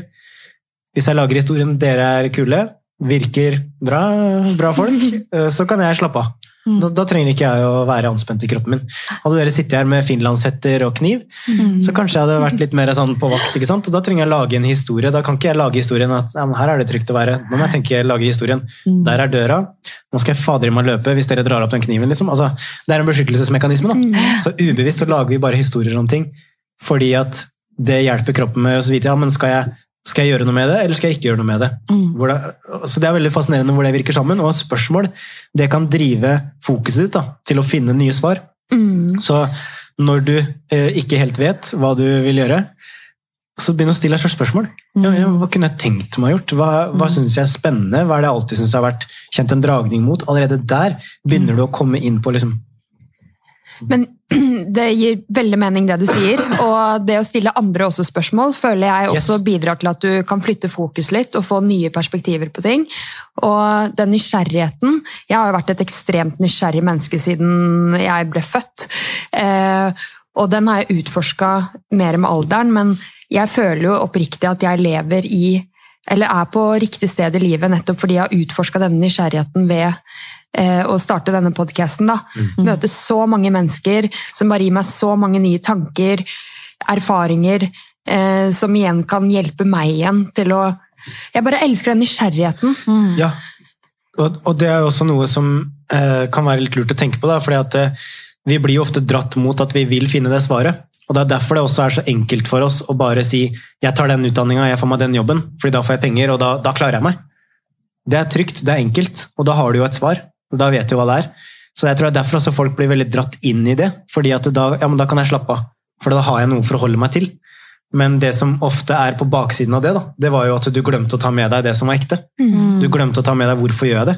Er det her jeg egentlig vil? Og så er det jo det som ofte skjer, hvis ikke du har ærlighet med deg fra start, så tar man ofte mange flere valg hvor man går inn i det. Det kan være både kjærlighetsforhold, det kan være en jobb, det kan være prosjekter, og så kjenner du ikke på at ah, det her er jo egentlig ikke det jeg egentlig vil, eller det er jo ikke egentlig det jeg brenner for. Så, så det å, å være nysgjerrig og koble det opp med ærlighet, det tror jeg er noe av det mest kraftfulle vi kan begynne å gjøre som mennesker. Og når ubehag dukker opp, eller du kjenner på den følelsen av at ja, men jeg syns det er ubehagelig fordi at jeg vet at jeg gjør egentlig ikke det jeg har lyst til å gjøre, og sånne ting, så møt det også med nysgjerrighet. da. Altså Bare vær åpen, og ikke tenk at du skal finne en fasit hver gang, men bare finn innsikt. Og den innsikten kan drive deg til å ta bedre valg, som er mer i synk med den du egentlig er, og som føles rett for deg. For ofte så er det sånn at når vi tar de valga fra hjertet, og det er derfor vi også heter Heart Mentality, så, så, så, så treffer vi ofte mer rett. Men da er jeg litt nysgjerrig, fordi hva er ditt perspektiv på tid? Fordi ofte så kommer man jo til det stedet hvor man begynner å utforske og være nysgjerrig på seg selv i en voksen alder, da. Og da er det jo veldig mange som kan tenke at det er for sent. Mm. Ikke sant? Eller at man tenker f.eks. en ny utdanning, gjøre en livsstilendring. Altså de tingene der. Hva, hva er ditt perspektiv på tid? Eller hva tenker du rundt tid? Ja, så tenker Mitt perspektiv er at det er, aldri for sent. Altså det fins jo mennesker altså nå det, det mennesker som er 70 år, liksom, som begynner å ta en utdanning som du har drømt for hele livet, fordi du kan ta det digitalt. og liksom, Du har så mange muligheter nå. da. Men jeg tror at hvis du tenker at noe er for sent, så fratar du deg også evnen til å utforske hva det kan bli. Og er ikke det også en begrenset sannhet? Jo, det er jo det. Fordi at det du gjør da, det er, og det er litt spennende da, med sånne begrensende sannheter, for hva er det du unngår å gjøre da? Når du stiller deg sjøl de spørsmålene, eller du lager den historien. da. Men det er for sent. Men det er ikke noe jeg kan gjøre. Å nei. nei. Så da kan du bare Det er litt sånn uh, uh, sånn I forhold til å øve på sosiale settinger, og sånne ting, også, da, så er det bare sånn, ja, men du kan fort lage en sannhet. Ja, men jeg er ikke en sånn sosial type. Jeg vet. Jeg, jeg Mm. driver ikke og prater med folk, og sånn, så jeg, ja, hva gjør du da? Jo, du fratar deg sjøl evnen til å bli en person som gjør det. Til å være en person som kan øve deg på å gjøre det. Fordi man forteller seg selv hvem man egentlig er. Ja, og Du sier til deg sjøl 'jeg kan ikke gjøre noe'. Det du gjør, er at du setter et tak. Du setter deg sjøl inn i en boks. Og det er vanskelig å utvide øh, livet ditt og gjøre store ting hvis du bare legger et lokk på det. Mm. Så det så, så, men så skjønner jeg også da, at hvis du er Si at du er 40 år, da, og så har du jobba et sted i 15 år, liksom, så skjønner jeg jo at det sitter lenger inne å bare bryte ut. Og det er også noe som jeg også er veldig fan av, det er jo også å tenke gjennom det du gjør. Og så lage en plan for det. For det var det jeg gjorde. fordi at jeg eh, kom jo da inn Jeg hadde jo det året som jeg jobb, eh, bodde sammen med søstera mi. Og katten hennes. eh, og så, og så laga jeg en plan. Ja, for da hadde du jo 100 000 i gjeld òg, Ja, hadde du ikke det? 100 000 gjeld, Ja. så det var sånn her, ja, ok, hva gjør jeg nå? Men ok, sett deg ned da. Bare tenk på hva, hva kan du gjøre. Og min erfaring er at det er veldig få som gjør det. Og jeg hadde jo heller ikke gjort det da før jeg var i starten av 20-åra.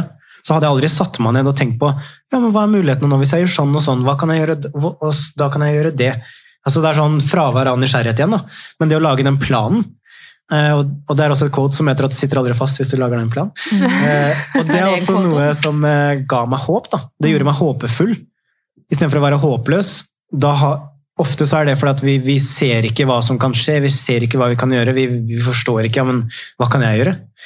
Og når du ikke ser det, når du ikke utforsker det, så er, det, så er det også vanskelig å tro på at det kan bli en del av livet ditt. Men i det øyeblikket du begynner å tenke på ja, men si at jeg skulle fått til det her, da. Og bare begynt å drille hele fokuset ditt inn i ja, hva, hva kan jeg gjøre for å få til det her. Og det er ganske mange ting som man kan føle seg veldig håpløs på, som man bare tar ned og så begynner å utforske, kan finne ut veldig mange ting på. Og jeg, jeg husker at den planen jeg la, når jeg var sånn, ja, ok, men hvis jeg jobber det året her, jeg får inn så og så mye, får de to jobbene, da, da, da, ja, da har jeg cirka, da kan jeg liksom starte på scratch når jeg da eh, flytter til Lillehammer, tar det året der, og så hadde jeg egentlig tenkt til å ta en bachelor, men det, bare, det er jo dritkjedelig. Eh, eh, men jeg lagde da planen, da, at da tar jeg det der, og så kan jeg bygge liksom, livet mitt derfra. Da. Og bare det, at jeg hadde da den planen, det gjorde til at jeg kunne se at ting skal skje i livet mitt. Jeg kunne ha en plan med at ok, men her har jeg jo ting som skal skje i livet mitt, som er i tråd med hva jeg ønsker å gjøre. Og så valgte jeg jo helt feil. Eh, Og det er også viktig. da. Du kan ta feil valg. Og jeg valgte jo idrettsstudier, for jeg hadde jo også lyst til å jobbe liksom med barn og personlig trening. og liksom sånne ting da. Men det var egentlig bare en sånn uh, at jeg syntes det hørtes mer fint ut enn hva jeg egentlig syntes eh, drøm. da. Så da husker jeg ett år der oppe i Lillehammer, og jeg bare Nei, det her er så kjedelig. Det eh, det er ikke noe imot idrettsstudier eller sånne ting, for at skal du gjøre noe innenfor idrettsverden, herregud, kjør på. Men for meg så var det bare sånn Jeg husker jeg satt i, i klasserommet der og bare Herregud, skal det her være så kjedelig, liksom? Skal jeg kjede meg så mye? Altså sånn, jeg klarte ikke å se hvordan jeg skulle holde ut to, eh, to år til da, med det der.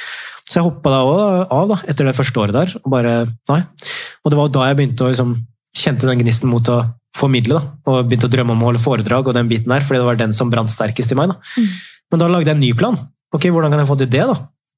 Så tenkte jeg, satte meg ned, ok, men da, Hvis jeg tar meg et år da, og jobber, så kan jeg spare opp så og så mye penger. Og så bare ser jeg liksom, hvor mye jeg får til i løpet av det året her.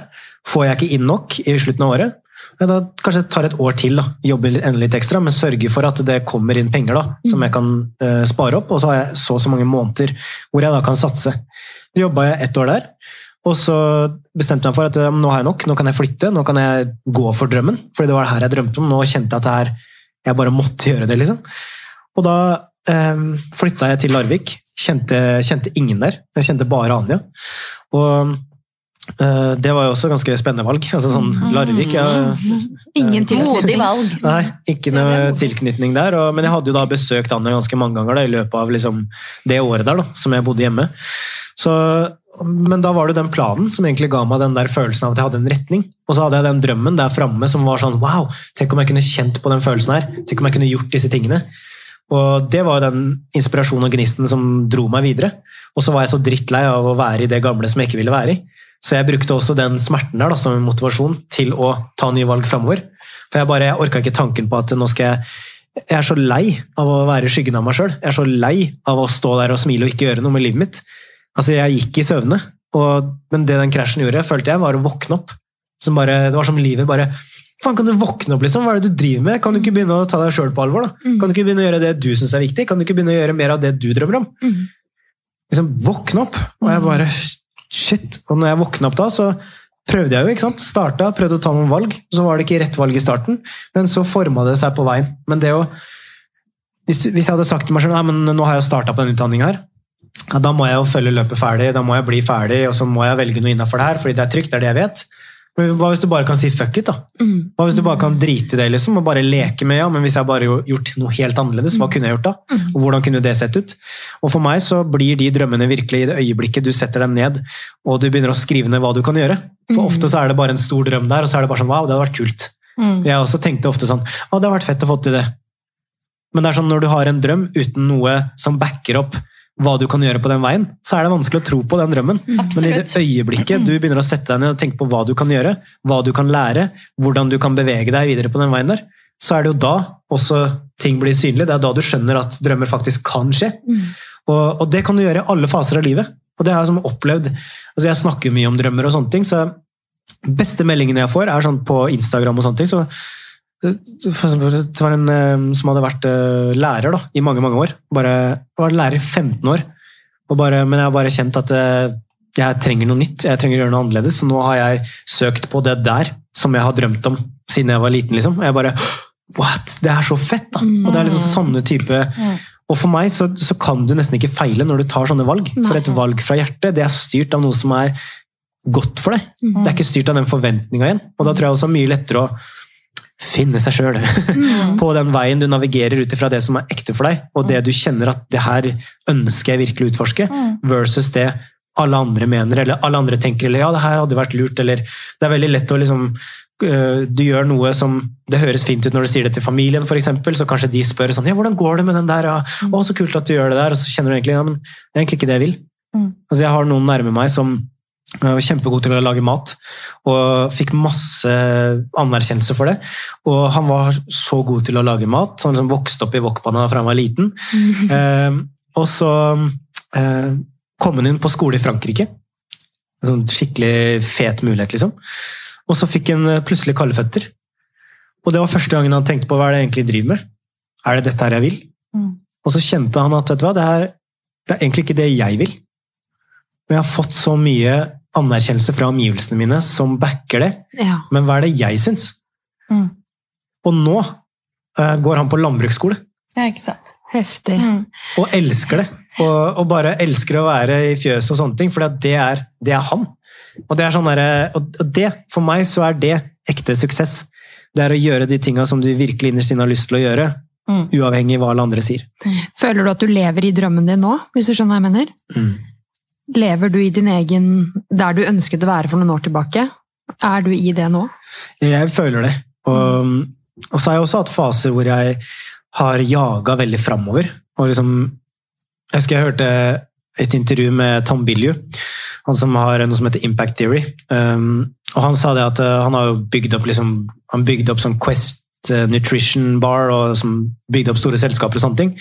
Men han sa det at hvis du skal lykkes med noe, så tar det jo gjerne ti år før du har liksom utvikla en ferdighet nok til at du liksom Wow, nå, nå mestrer du det, nå kjører du på, nå kan det. Og så er det sånn Oi, det er egentlig godt poeng. Eh, Tiårsperspektivet. Altså, det er Å nyte reisen. Ja. Jeg tenker Man har jo ofte mål og sånne ting, men ofte når man har nådd det målet, hva da? Eh, Det er jo mot målet, det er gøy. Mm. Ikke sant? Når jeg slipper denne episoden, så er jo praten vår ferdig, men det er jo nå jeg koser meg, hvis du skjønner. Ja, ja. Så um, jeg elsker reisen mot det jeg liksom Yes. eh, Det målet jeg har satt meg, da. Ja, og, og der også har jeg gått i fella noen ganger, for jeg har, eh, jeg har også hatt en coach som jeg har jobbet med. Jeg har jobba mye med meg selv. Da. Og da husker jeg at det var et sånt spørsmål som hun stilte nesten hver eneste samtale. Det var sånn, ok, what's the story? Som du forteller deg nå, da. Hvis jeg var litt frustrert, eller ah. Og så husker jeg en gang som jeg sa sånn, ja, men jeg føler at jeg burde vært lenger fram. Mm. Jeg, følte at jeg, jeg føler at jeg burde gjort mer. Her jeg er nå. Og hun bare, hm, spennende. Mm. Og når du forteller denne historien til deg sjøl, hvordan, hvordan har du det da? Nei, det er jo ganske kjipt, da. Ganske Mm. frustrerende, liksom. Ja. Er det noe som hjelper deg, syns du? Mm. Nei, det er egentlig ikke det. Og så stilte hun meg spørsmålet, da. Ja, men eh, hva er det du har fått til, da? Fram til nå? Mm. Og så bare begynte jeg å se tilbake, da. Og så sa hun ja, hadde, hvis, du hadde, hvis det hadde vært en liten utgave av deg som hadde møtt deg nå, sett alle de tinga du har gjort, sett alt du har fått til, hva, hvordan tror du det ville vært? Hadde du vært stolt? Og da bare Åh, shit. Mm. Ja, da hadde jeg faktisk vært ganske stolt. Altså, men jeg var så fokusert på fram, fram, fram. Men så fikk jeg bare en liten nudge med ok, men se tilbake, da. Se hvor langt du har kommet. Mm. Og bruk det som fuel til å bygge videre. Og til å ha det bra her og nå. Og det var da jeg merka det, at jeg var så opptatt av å være på vei framover at jeg glemte jo her og nå. Mm. Jeg glemte å nyte reisen. Og Vi tenker så mye fram i tid, og så er det sånn, livet er så utrolig uforutsigbart. Vi vet ikke om vi har fem, igjen, fem år igjen på jorda, om vi dør i morgen, om vi dør, eh, blir gamle. Så det å sette oss mål og hele tiden eh, håpe, eller eh, være i framtiden, det tror jeg ikke er sånn veldig hensiktsmessig for eh, nåværendes fokus. Nei, det det er akkurat det, og det var jo litt det som var i den samtalen der også, så ble, kom vi jo fram til at ja, men hva, hva er en bra historie å fortelle seg sjøl nå, da? Mm. I den fasen du er nå? Mm. Så er det bare sånn ja, fader, jeg, jeg bygger og jeg lærer og jeg kjører jo på. Jeg, Ja, ja, jeg, gjør jo skikkelig, jeg gir jo masse innsats. Dæven, kanskje jeg skal liksom anerkjenne det. da. Og så, og så er jeg også veldig drevet av store mål. Store, jeg har store ambisjoner for livet mitt, og jeg ønsker jo å nå ut til millioner av mennesker på sikt. Mm. Men jeg vet at jeg må bygge liksom sten for sten, da, og at det ikke skjer i morgen. Og, men så er det sånn viktig å catche seg sjøl i det, da, for det er ofte så er det sånn, hvis det er frustrasjon, hvis du er irritert, så er det ofte at du trenger å lære et eller annet. Det er jo en guide. Det er jo Yes. absolutt en guide, dette med frustrasjon og alle følelser er på et vis en guide da, mot noe. Men det er ikke alltid like lett å tune inn på hver og en av de. Nei, for vi vil jo gjerne skyve det vekk, eller få det bort. Ja, eller vi er veldig utålmodige Mm. i dette samfunnet, eller sånn i verden nå. Vi er veldig utålmodige, og ting skal skje veldig med en gang. Det er jo sånn med resultater og dette med å bli bedre. Ikke sant? Man skal gjerne ha Ja, så leser vi jo liksom overnight success. Eh, folk som legger ut en video på TikTok, og så fikk du platekontrakt, liksom. Det er, Ja. sånn, ja, det er ikke så mange som gjør det, liksom. Nei, det er det. Men det er det man ser. Man ser ikke det andre, ikke sant? så da blir det så store kontraster. Mm. Før vi går over på de faste spørsmålene, så vil jeg at du skal komme med dine beste tips for eh, lytteren som hører på nå, som sitter med en indre passion, som kanskje har et fokus i livet som den kjenner selv er negativt. Eh, hvordan kan lytteren bytte fokus og faktisk begynne å fokusere på eh, hva den kan få til? Mm. Jeg ville stilt det første spørsmålet, sånn som eh, jeg ble utfordra på når jeg lå på sofaen. Og det er sånn, Hvis du har det fokuset, da, føler du at det hjelper? Hvis det hjelper, og du kjenner at ah, yes, det funker skikkelig bra, kjør på. Vær min gjest. Men hvis det ikke hjelper, hva, hva kan du fokusere på som kan hjelpe deg? Mm. Og det er, hva er det du kan gjøre noe med? Hva er det du ikke kan gjøre noe med? Og så ville jeg også spurt sånn, ja, men hva er det du, hva er det du drømmer om, egentlig? Hvis du, hvis du bare hadde fjernet alle begrensninger, hvis du hadde tatt fuck it-øvelsen, da. Det handler om å bare si fuck it til alt. Glem hvem du er, glem liksom rollen du har, alt fast, alt som er liksom satt i livet ditt, og bare Hva ser du da, når du fjerner deg fra alt, og du føler at du kan være helt fri? Hva Det tar deg inn på den frie naturen da, som du ble født med. Og så ville jeg også sagt det her med at eh, det du putter inn, er også det du får ut. Fordi at det, det gjør seg ikke sjøl der. Og veldig mange stopper opp med drømmene sine fordi at de venter på de venter, på anerkjennelse, de venter på tillatelse, de venter på at noen skal liksom servere ting på et sølvfat for dem. Da. Men det sølvfatet kommer aldri. Altså, du, må, du må grave etter det sølvet, du må støpe det sjøl, og du må lage det sølvfatet til deg sjøl. Liksom. Og noen ganger så må du gjøre ting som er dritvanskelig. Noen ganger så må du gjøre mange ting som er eh, frustrerende. Du har ikke peiling på hva du driver med. Noen ganger så kommer det situasjoner eller perioder hvor du bare tenker 'herregud, hva er det jeg driver med'? Hva, hvorfor kan jeg ikke bare gå tilbake igjen til det samme gamle? Liksom? Altså, hva, er det, hva er det jeg gjør? Det er helt naturlig.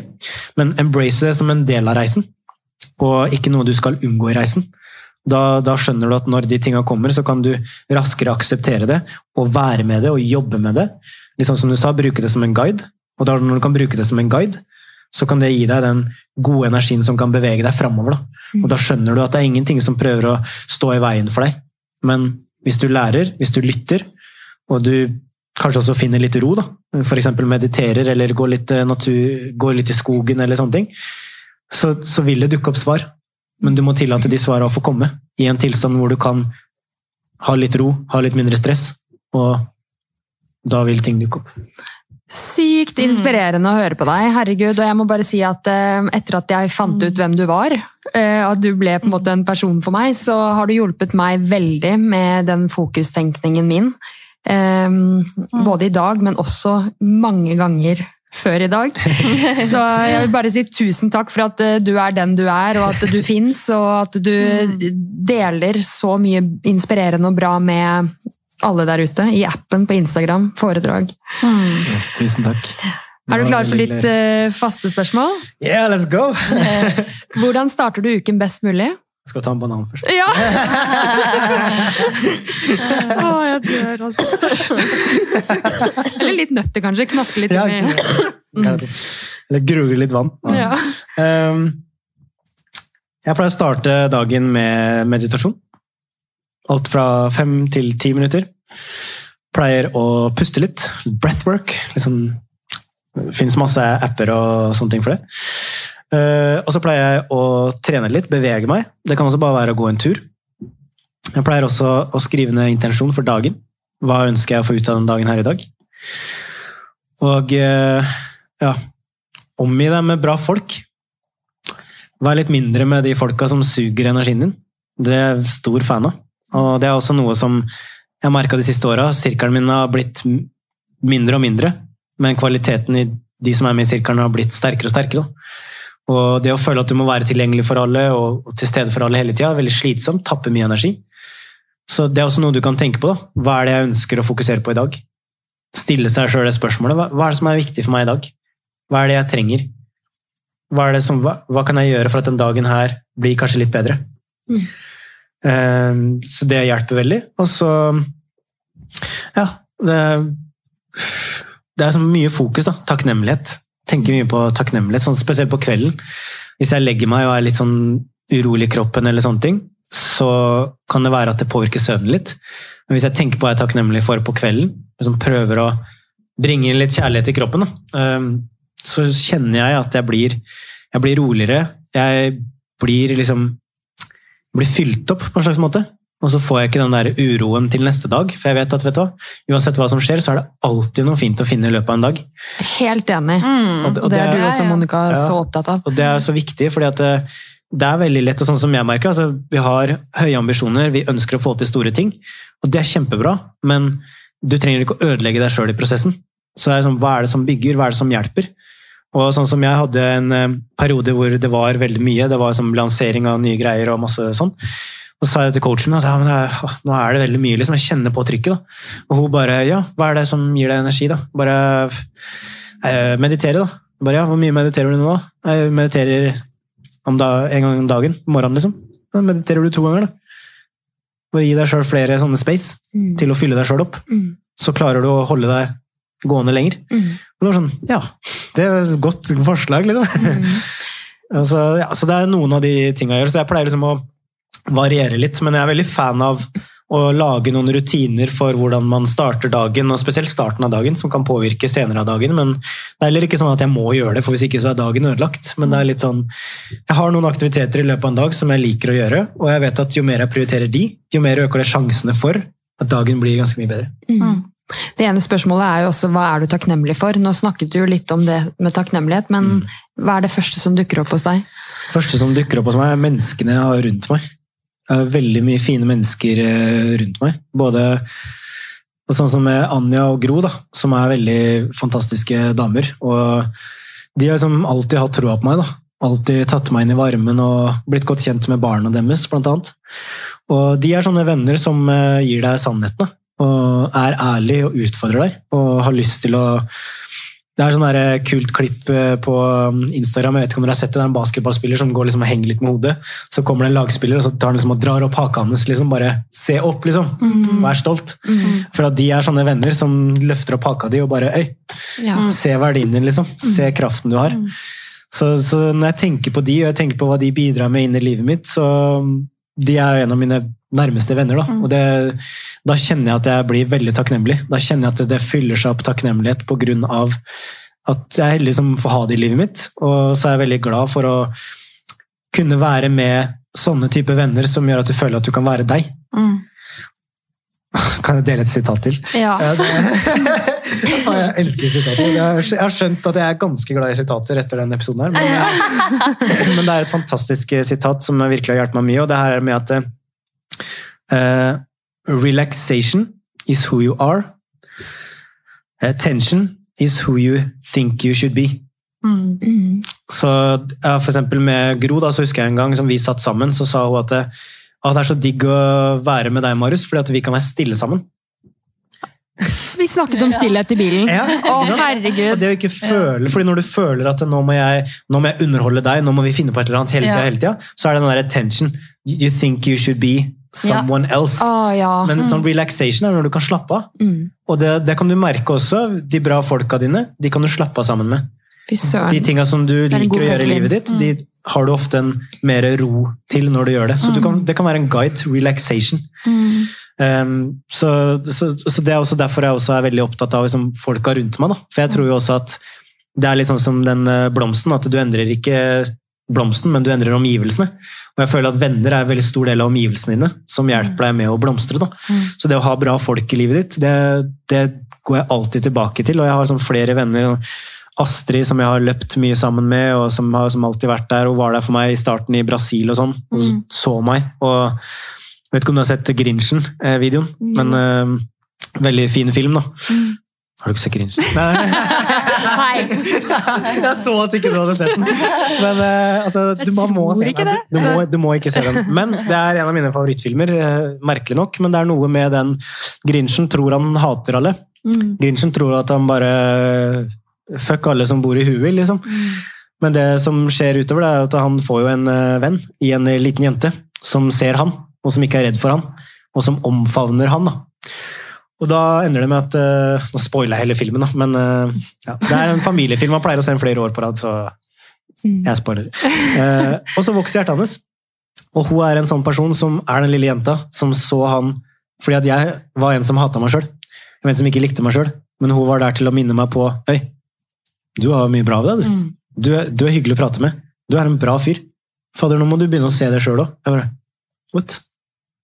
Så hun var liksom en sånn Kom inn i livet mitt på et tidspunkt hvor jeg var veldig sånn usikker på meg sjøl. Det, er- det kan jeg være takknemlig for selv den dag i dag.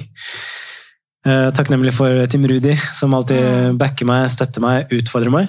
Eh, Sier ifra. Vi hadde en podkast en gang. Han bare 'Nå bruker du det ordet der veldig mange ganger.' Jeg bare 'Hæ, hva da?' «Eh, Det ordet. Ja. Det gjør jeg. Ja. Takk. Mm. Elsker sånne venner.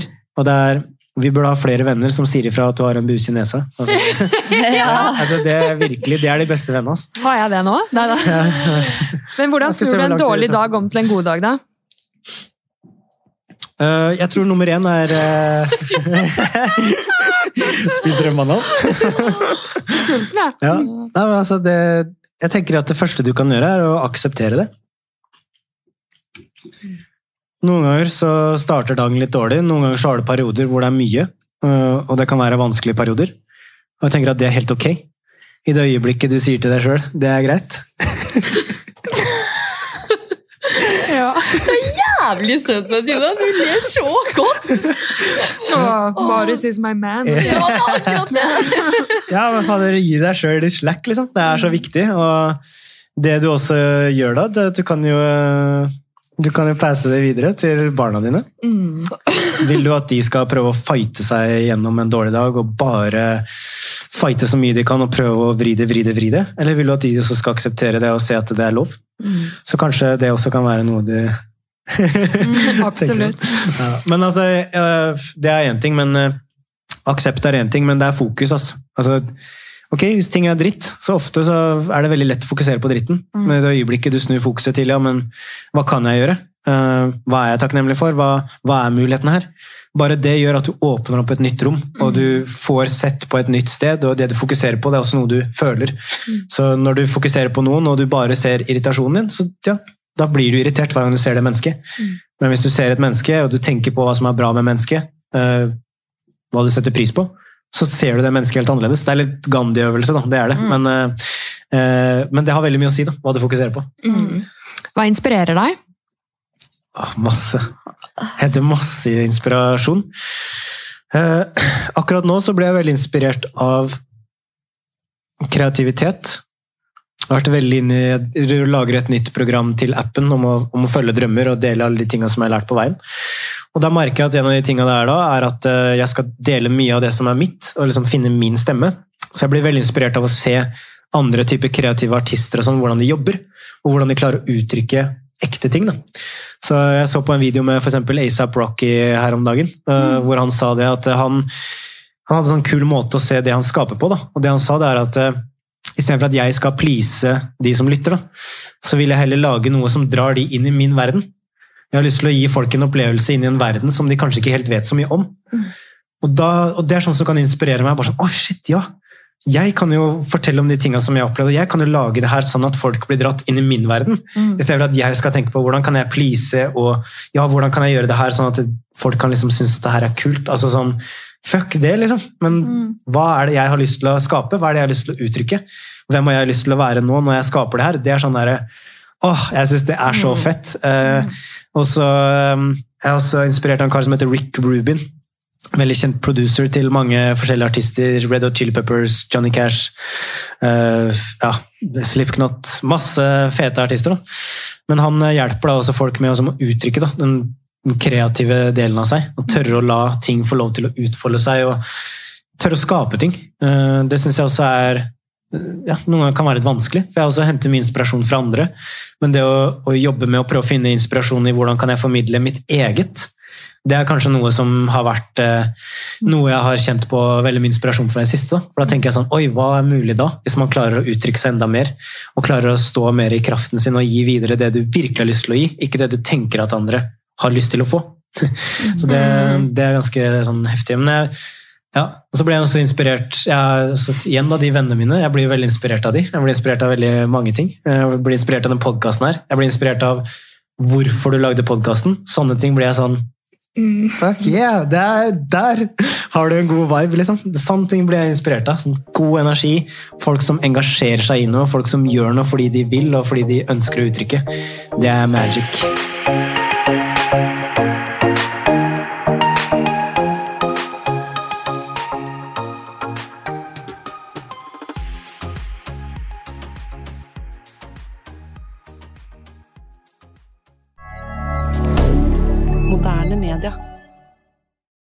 Har du et enkeltpersonforetak eller en liten bedrift? Da er du sikkert lei av å høre meg snakke om hvor enkelt det er med kvitteringer og bilag i fiken, så vi eh, gir oss her, vi. Fordi vi liker enkelt. Fiken superenkelt regnskap.